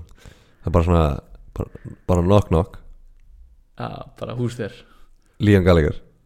Já. And what? Það hefur aldrei heyrt knock knock brandara Þá var þú að segja Liam Gallagher who? Já, og svo, svo myndi það bara kýla því andlit. Það væri bara brandari skilur. já, já. Þannig að þið getið, þið getið stólið þessum brandara bara spurt, bara hvert sem er út á götu bara knock knock, who's there, Liam Gallagher Liam Gallagher who, bara hann að segja who Já, bara hann kýlan bara beint á túlan á túla, þannig er Liam sko. hann er Liam Gallagher sko. Uh, það sem sagt eins og ég hafði sagt að þá voru þeir bræður miklir Manchester United menn. Já, nei, nei, Manchester City, já. stuðningsmenn. Hödu Manchester United. Já, já, Út af lífinu. þú hefur fengið þetta á sagt já, já, já, shit. Þetta passa mig. Eitt sem var það þannig að, að hérna, Noel Gallagher fekk sendan gítar frá Gary Neville sem á er Manchester United. Mm -hmm. Og með brefi þess efnis að Gary Neville hefði orðið sem sagt, inspired að læra á gítar út á Noel Gallagher ah. og hérna Noel var náttúrulega alls ekkert ánaður með þessa sendingu frá einhverjum United manni sko. nei, nei, nei hann endur sendi gítarinn búinn að kross, krassa MCFC, skilur Manchester City í fútbolklöpp já, á allan gítarinn og skrifaði svo neðst á hann kæri Gary, hvað hefur þú gert fyrir England? Ég skal segja þér það ekki fokki raskat. Love Noel Gallagher. Og var þetta eitthvað dýr gítara? Já, þetta var bara einhver svona netti gítar já, shit, pældi ég, þessi gítar í dag er bara ég, þú veist, ég var ekki ekki til að sjá hann bara á eBay sem hann að selja fyrir uh, legendary gítar sko. mm, en svo var það þannig að Liam já, hann var einu svona vinna sem svona valet parker já, Þi, já, eða svona að leggja bílum skilur svona valet service. Þú hefur treyst honum fyrir rólsarunum mm, já, það er nefnilega máli sko. hann var að vinna sem, sem valet parker á stadiuminu og fyrir Manchester United. Ok, þegar hann var unlingur já, hann hérna, heldur betur misnotaði sér aðstöðu sína og síndi tryggð við klúbin sinn Manchester City og gerði í því að skemma bílana hjá leikmanni Manchester United. Hann uh, skrúpaði allan BMW-in hjá Paul Ince með vírull. Uh, einhvern tíma hann var Ryan Giggs að lappa út í bíl og Liam Gallagher er að fara út úr bílnum Ha? uh, en var búin að fylla fötu af vatni. Og þegar Ryan Giggs kemur á bílnum þá bara bush, bara styrta hann hilli fötu af vatni beint í andliti á Ryan Giggs. Hvað er þetta að tala um? og svo var hann að kom Erik Cantona já, já, já, legendið legendið. á bílnu sínum. Einhver Porsche. Hann fær líklana Liam á að fara að leggja bílnum feð með bílnum út af bílastæði opnar hurðina og reif hurðina af bílnum. Ha? já, já. Ok, veitu hver réð Liam Gallagher? Og af hverju var hann ekki rekin eftir BMF stöndið Liam. Sko Við rispum ekki bílinn. allan með, með stálull hér. Ég- við hefðum kannski átt að segja fyrirfram. þannig að þú slætar. Og það er eitt séns stöfunar og svo bara svo hendur hann í vassvötur og já, bara eitthvað, ú, herru, Liam fool me once. Shame on me sko, fool me twice. Að þú veist svo fekk hann bara fleiri sér og það er eitt síðan séu ég sé að kantóna er að koma hérna. Farðu nú að legðu bílnum að sinna ég reyndi nú að gera þetta alminlega hérna einu sinni. Þetta er eiginlega klikast hver myndi leiðvorum að, að vinna svona lengi? Já, já, þetta er bara, já, já, ótrúlegt það var bara eitthvað svona Manchester United gæja að fara bara eitthvað að, hérna, leggja bílið svo að fara að spila og það var bara fokki stressað að vera alltaf ó, hérna, hérna, hérna er leikillin já. sí, hvað þetta finnir maður en þeir sem sagt þrátt fyrir að, að þeir eru nú ekki á speaking terms í dag.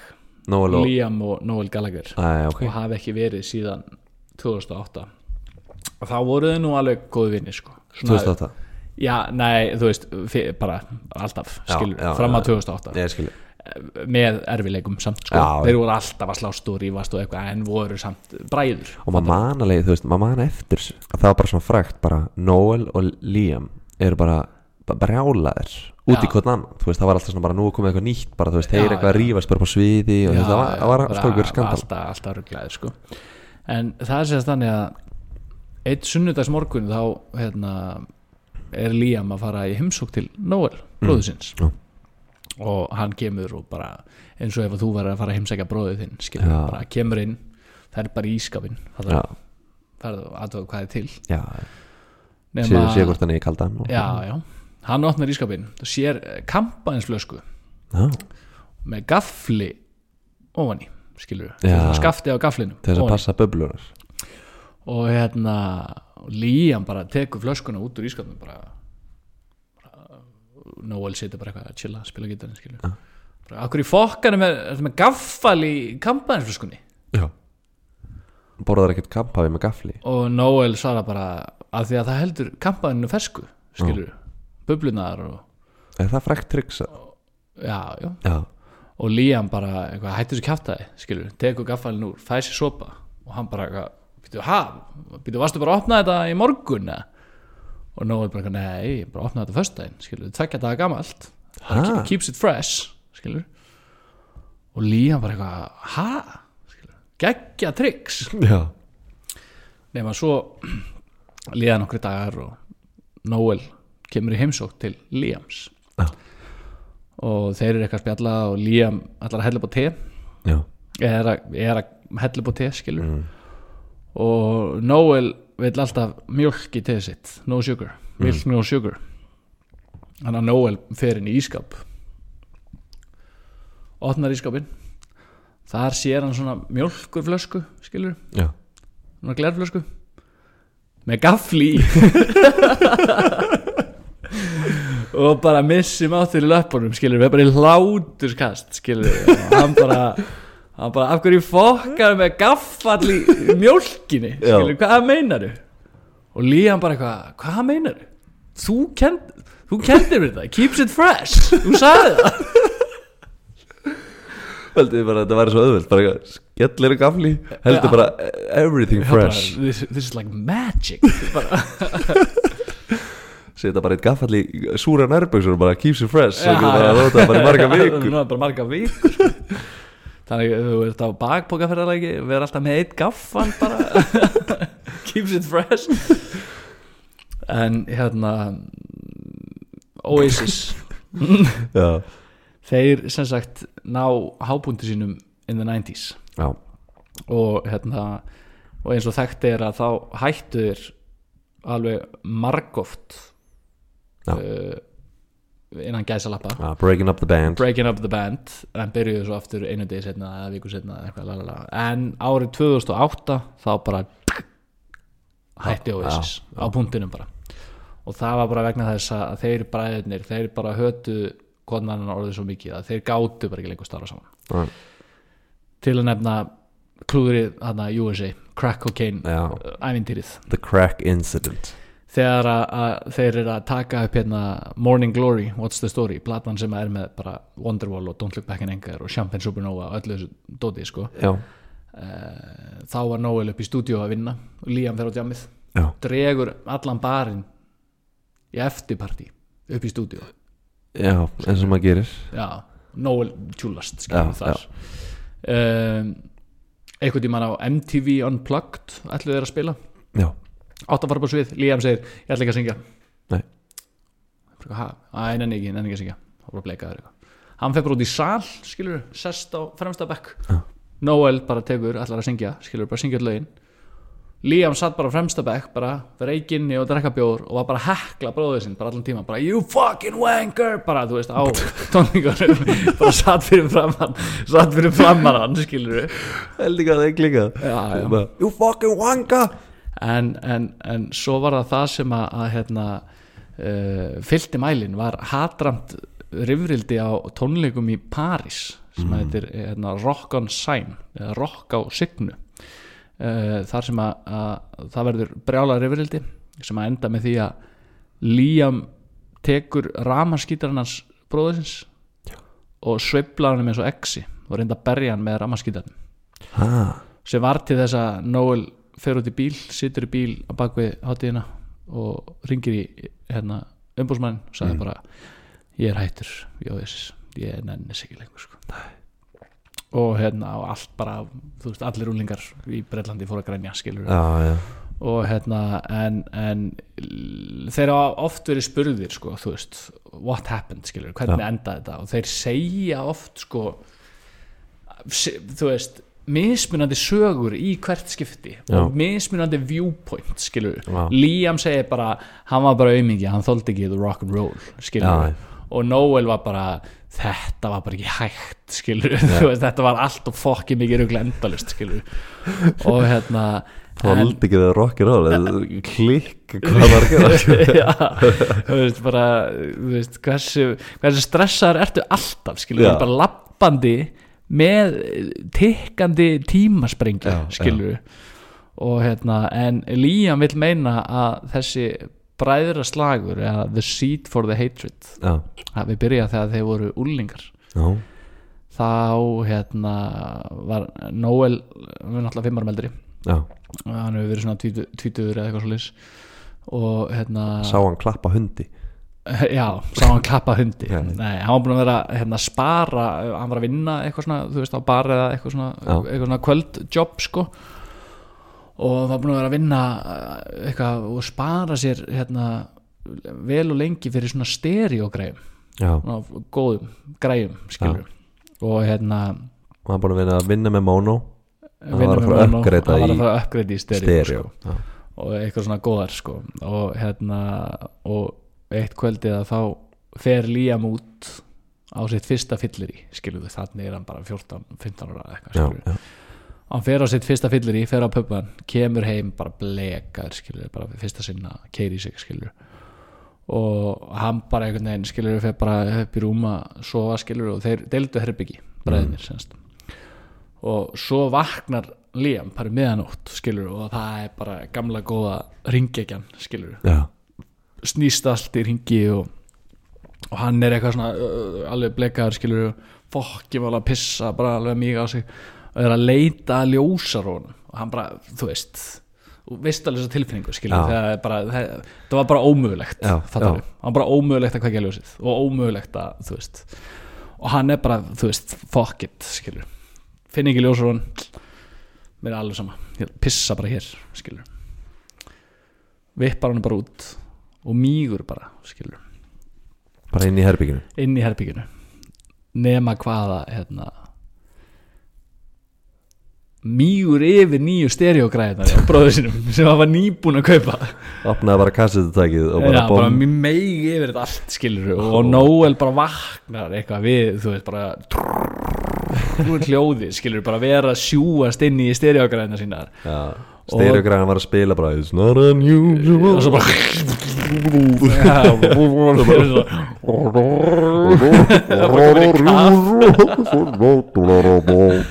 og Noel vaknar skilur og bara, þú veist, brjálast skilur bara, hvað er fokkanum er það að gera? Skilur bara og tekur í lurgin á litla bróðu sinum skilur og Liam skilur bara reyna að róa niður hann bara, heyrðu, sko, ef þú spyrir mig þá slappið það nú bara mjög vel sko.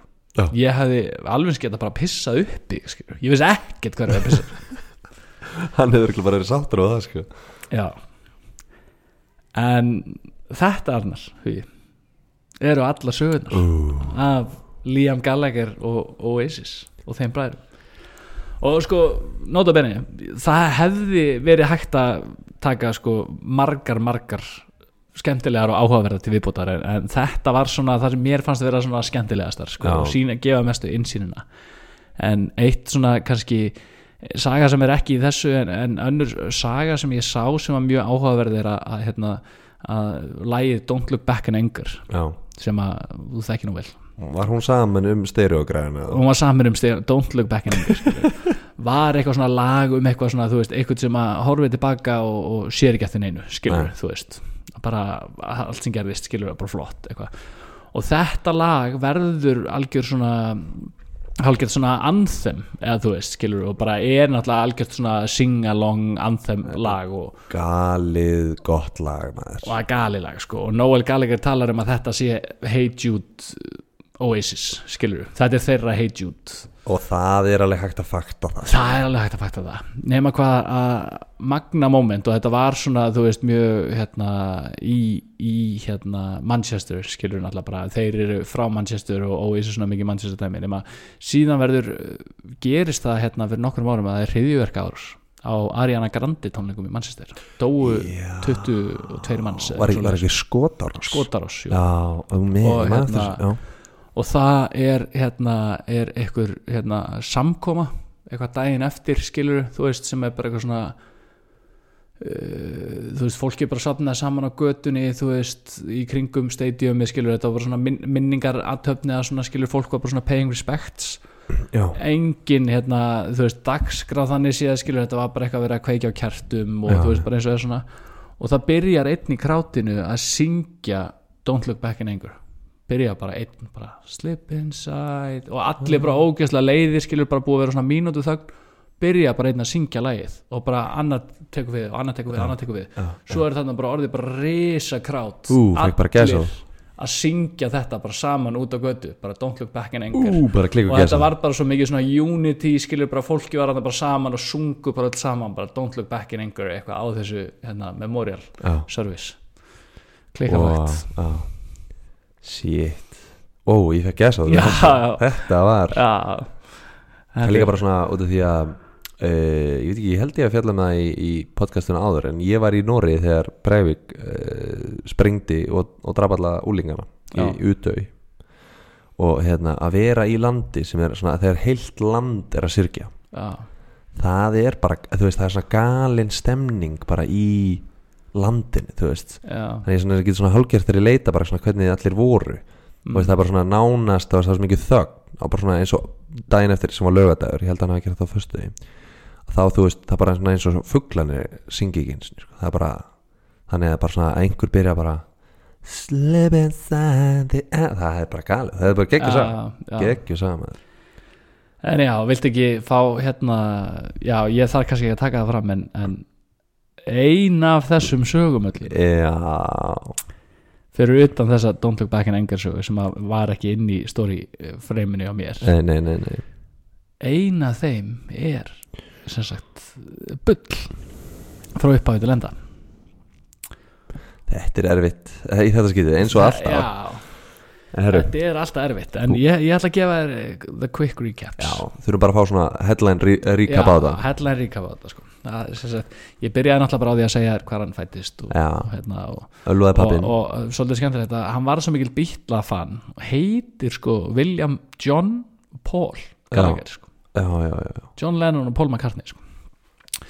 um, pappans var drikkfældur og, og óbyldisfældur Mhm. og hérna beittu þau heimildur óbyldi sem að endaði með því að, að Peggy tók hérna ringdi bræðið sinna og fekk flutningabílinn til að koma og tæmdu húsið með hann að hann var á pöppanum, kallinn.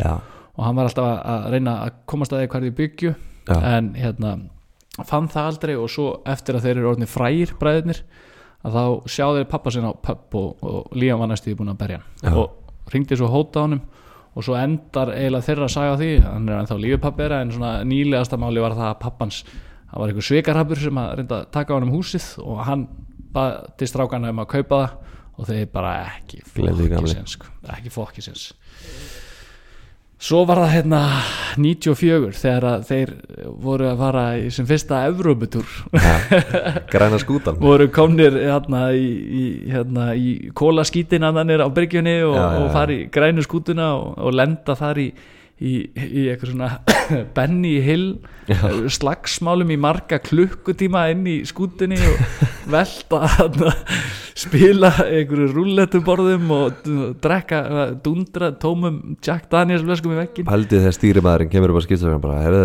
smá situation. Já, bara hvað er að gerast? Er það hljómsveit að berjast á móti heilu fótballið Já, bara, þú veist hvernig, bara, bara að setja full steam einhvern veginn til ástættam og svo hérna komaður hérna og löggan hleypur bara inn skilur er að elta þá og hann tekur sér allan nema Noel. Já, og hann þarf að ringja í skoska managerin og segja bara, heyrðu gamli, það eru bara allir í steininum og hann er bara This is rock and roll. Eða eitthvað svona. brilliant. Brilliant. Og þeim var vísa á landi áður en gáttu spila tónleikana Já. en umbúsmaðurinn var senast alveg handvissum það að þetta væri great marketing move sko. Hann fekk bara stampinu Hann undir stampinu, skotabilsinu datt í hug bara alla fyrirsagna bara fá ekki rugglaðir einhver rockarar að lemja einhverja fótboltakrakka og eitthvað. En um, Liam Gallagher hatar hunda já, út af lífinu og, og, og svona lendi í því þegar hann krakki að var þýskur sjáfferundur sem að reðast á hann og beit hann í andlitið. Já. Tók vörun á honum í tvent og, og hérna og hann og talaði um það oft í viðtölum og, og svo voru þeir að spila á Veika uh, er ekki sagt svo liðis, Veika, Vega? Ég hef bara aldrei verið á tónleikum hann, ég bara veit það ekki. Nei, ok, ég held að sé Veika Eh, Danin er bara víg einmitt.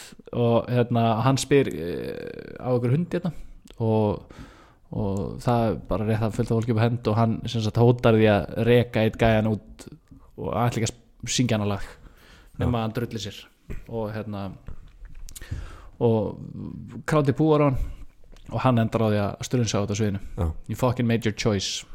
Og Noel steppar inn. It was me or the Labrador? Já, sagði hann. já, hann sagði það. Og hérna og, og Noel stígur hann inn eins og hann gerði síðan oft í, í gegnum tíðina. Að þurfa að Já. stíga inn. Já. uh, en svo var það svoleiðis að, að Liam Gallagher byrjaði átján ára í músík en hann var ekki alltaf fyrir tónlistina. Var Nei. í boltanum þegar hann var krakki en, en lendi stimpingum fyrir utan skólan og sem að endaði með því að einn hérna, durturinn var með hamar og, og barðan í hausinn með hamri. Og, og eftir það að, hérna, þá fekk hann tónlist á heilan var dolfællina bítlunum og sá síðan Stone Roses á tónleikum og hugsaði, Já. ég ætla að vera rockstjarna Sumir, sumir fá heilablaðingu aðrir fá bara tónlistagáfa verður bara musical genius og sömur deyja bara til dæmis sumir deyja, eru sumir landi deyja, með hamri í hausinn. Þannig að ég minna að það eru alls konar Leður. útgáfur af uh, svona uh, hamars uh, Já, að fá reyðarhögg á, á hausinn. En svo hérna svo tók ég svona viðtalakabla Já, en var, sagði við festivalgæluna á Glastonbury að, að hérna, hún spurði, er eitthvað sem hún hugsa, sérðu og hugsa bara, úff, viðbjörslega tíska? Og hann bara, já, þú, til dæmis. Já. svo var það á MTV Awards þegar hann sagði að bandarækjumenn væri allir mongs að því að þetta texta við já, og svo var hann spurður uh, spurði hann eitthvað, ef þú mætti taka viðtali hvert sem er í heiminn, já, við hvað myndur þú taka viðtal. Hann bara engan, glemdi hvað myndur þú segja við John Lennon ef hann sætti þetta, ekki neitt. Það myndi ekki eins og byggðum síkó Nei, að ef ég færi eitthvað að spjalla við hann þá væri þetta eitthvað að þú veist og svo bara allt henni er Komin í sleik við hann bara allt að- Já, bara fara í sleik við hann skilur og ég er bara nenni ekki skilur. En svo hérna sagði ég frá því að, að þeir hérna voru gjóð plötu sem heit Be Here Now og ætlaði að taka albumcover og fengu hugmyndum að sökva gömlum Rolls Royce í sundlug og hérna og það var nú stungið upp á því hvort að vildi nú bara ekki fótosjópa það. Og það bara kom ekki til greina. Og þetta stönd kostaði 100 dólar á þeim tíma sko. já, þannig að, að já það, það var einn sagan. Það var eins að hann Gekka saga. Mm, svo var hérna sagan með hérna þegar Sasha Baron Cohen var að fara á GQ Awards. Og hérna konarnas var nú ekki trefin af því að hann ætla að gera grína Liam Gallagher en hann fór nú að spurða hann leifi og gleymir sín að segja brandarann. Og svo lappar hann inn í græna herbyggið það var með stáls og sleggju Bón og, og Liam. Sér hann að sófa sem að setur Liam Gallagher og, og Bono. Og, hérna, og, og, og Liam bendir á hann og segir who's the greatest fucking living rockstar Mm. og, hann segir fyrst Stevie Wonder. Já. og Liam fannst það kom ekki mikið til með það hann sagði að hann væri bara vinsæll eins og sárasótt. Já, og hérna Baron Cohen var nú ósamála því að sárasótt væri vinsæll. Uh, besta þessari sögu var Bón og bara hafði, hafði engar já, hafi, hafi, sko, svo lengi svo við liðin á mér. Hann er ekki að fara að gera neitt. Nei. og hérna og svo spyr hann hann aftur og hann sagði ég veit ekki bónu og hann bara segir nei bara who's the greatest fucking living rockstar? Já, hann bara ég veit það ekki segðu mig það bara John Lennon. Og hann bara ha þú sagði, þú sagði living rockstar. Hann bara John Lennon er á lífi. Já, stendur upp ég er John Lennon. Öskrar það. Skrika fótur þetta er á borðið. Og ætla svo að stinga í og ætlaði svo að stinga já, svo fór ég á það hérna, á fyrstu tónleikunum í, í bandaríkunum að þá hérna, átti að vera break up, nei, hérna svona breakout gig en þeir fengu sér eh, línu af crack cocaine og fóru allir á svið og í einhverju móki og byrjuðu allir að spila sikkvort lagið. Já, sem var til þess að Noel Gallagher hætti í hljómsveitinni eins og oft aður en kom, byrti svo aftur tveimur dögum setna uh, og hafði þá engin hljómsveitamælumur sopnað í eina mínútu Nei. síðan þeir fengu crack cocaine. Um, svo hérna sagði ég sögu að því að þeir bræður væru miklir Manchester City stuðningsmenn og- en hata Manchester United. Og Gary Neville sendi Noel gíldar einhvern tímann sem að hann eiginlega sendi tilbaka og var búinn að krassa á hann allan og sagði hvað hefur þú gert fyrir England? Ekki fokki raskat. Ekki raskat. Love Noel Gallagher. Og svo var Liam sem sagt ráðinn sem var sem, sem var leiparker fyrir Manchester United. Og hérna misnotaði sér aðstöð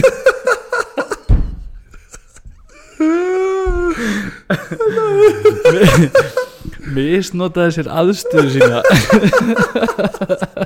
Heldur betur og síndi alltaf tryggði hérna sitt í þegar að og var eitt sérst og eitt sérst þegar hann byrjaði á því að já hann sérst byrjaði á því að skrúpa all skrúpa allan BMF-in hjá Paul Inns með vírull. Þegar þú byrjaði að segja þessu sögu þá held ég að hann var að gera svona, svona söttul hluti eitthvað svona svona setja svona stereóð upp á max neini já, rústa já, lakkjul allir setja bíl eitthvað svona pílubombu í aftursætið. Nei, nei. Bónaði bíli með vírullana og svo fekk hann svona kannski smá slapp á, á puttana eftir það sko.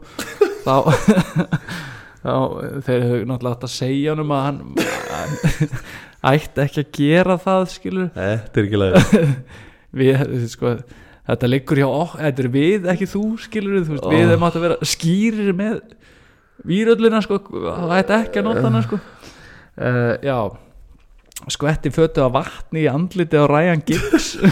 Þegar hann var að koma að sækja bílinn sinn. Ég veit að það er bara heimsfræga fótballstönda og svo kemur bara einhver gæi sem er að vinna á staðnum og bara dumra fyrir þetta er ótrúlega og svo hérna reif hann hurðina að bílnum hjá Erik Cantona Tók bara hurðina já, hann af? tók hurðina af skilur það eru og það er eitt sérstu út af þetta Já, ég sé að Cantona er að koma þetta farðu farðu nú að leiða bílum hjá honum og reyndu nú að gera ekki neitt hérna, skammastrygg en hérna en hann, já, hann, sko, mér finnst hann hafa náð að gera of mikið, sko. Já, þetta, var, þetta er ótrúlega þeir, þeir hefðu trú á unguðinu hérna í United, sko, það er greinlegt batnandi mönnum, best að lifa greiðlega hjá Valet Parking í Manchester.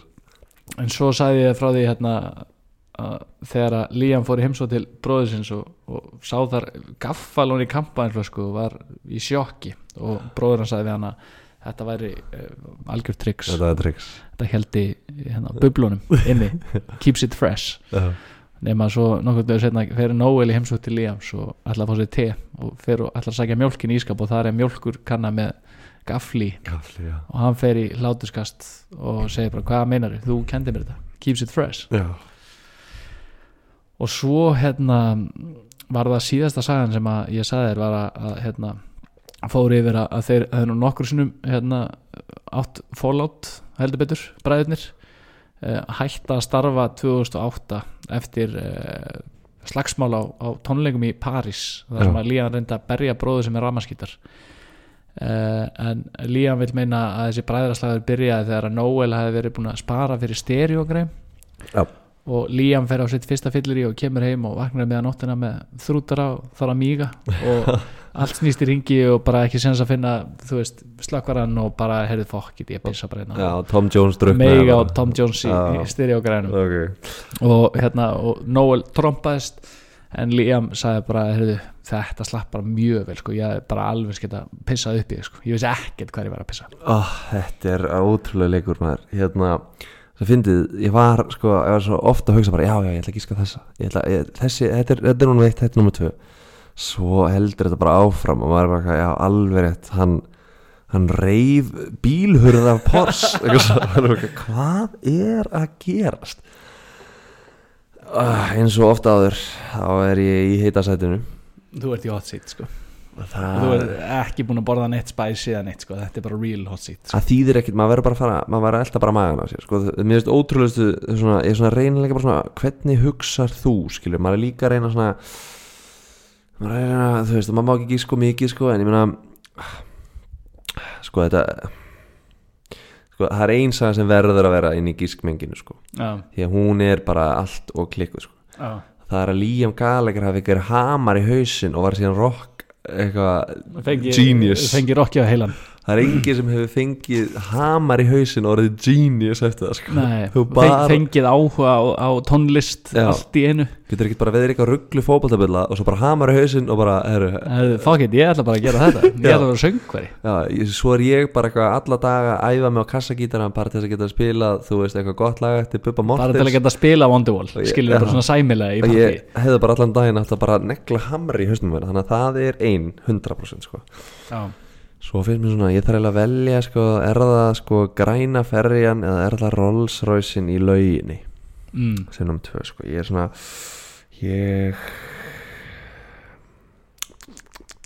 er það að meina uh, græna ferjan þar sem að já, þeir já, uh, slóist í þrjá klukku. drukku þarna Kampaðin og Jack Daniels og dundruðu tómum glerflöskum í er stefnið á bátnum og hvaða kombo var þetta? Kampavín og Jack Daniels? Já, bara svona fara þarna og slást inn í spilavítinu í bátnum og er prinsess fljúa þarna peninga fljúa spila þetta peningar að út um allt en svo þú veist hver- myndi leifa Gallagher að að finna sem var lei og ríf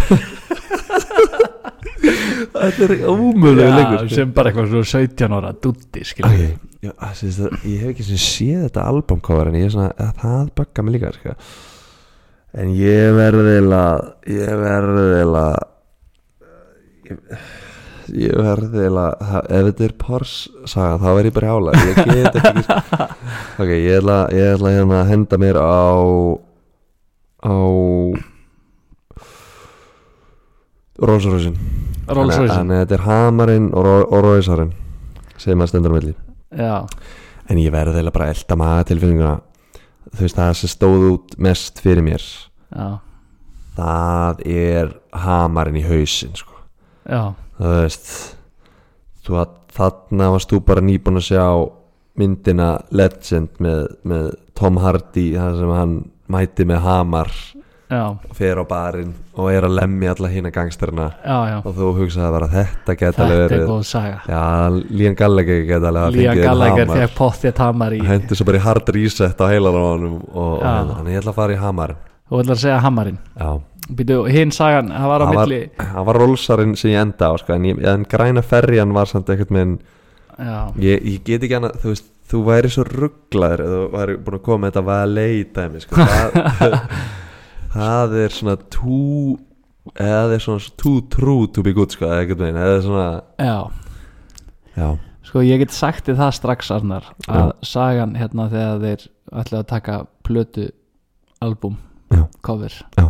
og kröfðust þessa sökva hérna 1967 Rolls Royce í sundlaug í já það er líka svona það er svona Keith Moon svona angul líka sko, þannig að það var svona, það bakaði mig líka sko, en, en já, þú Já. getur sagt hvað um það ég get sagt það að þetta albumcover er til sko Já. og þeir gerðu þetta í Ok, alvörunni ok, ég verð að sjá þetta album cover, ég er bara að googla þetta þegar þátturinn er búinn sko.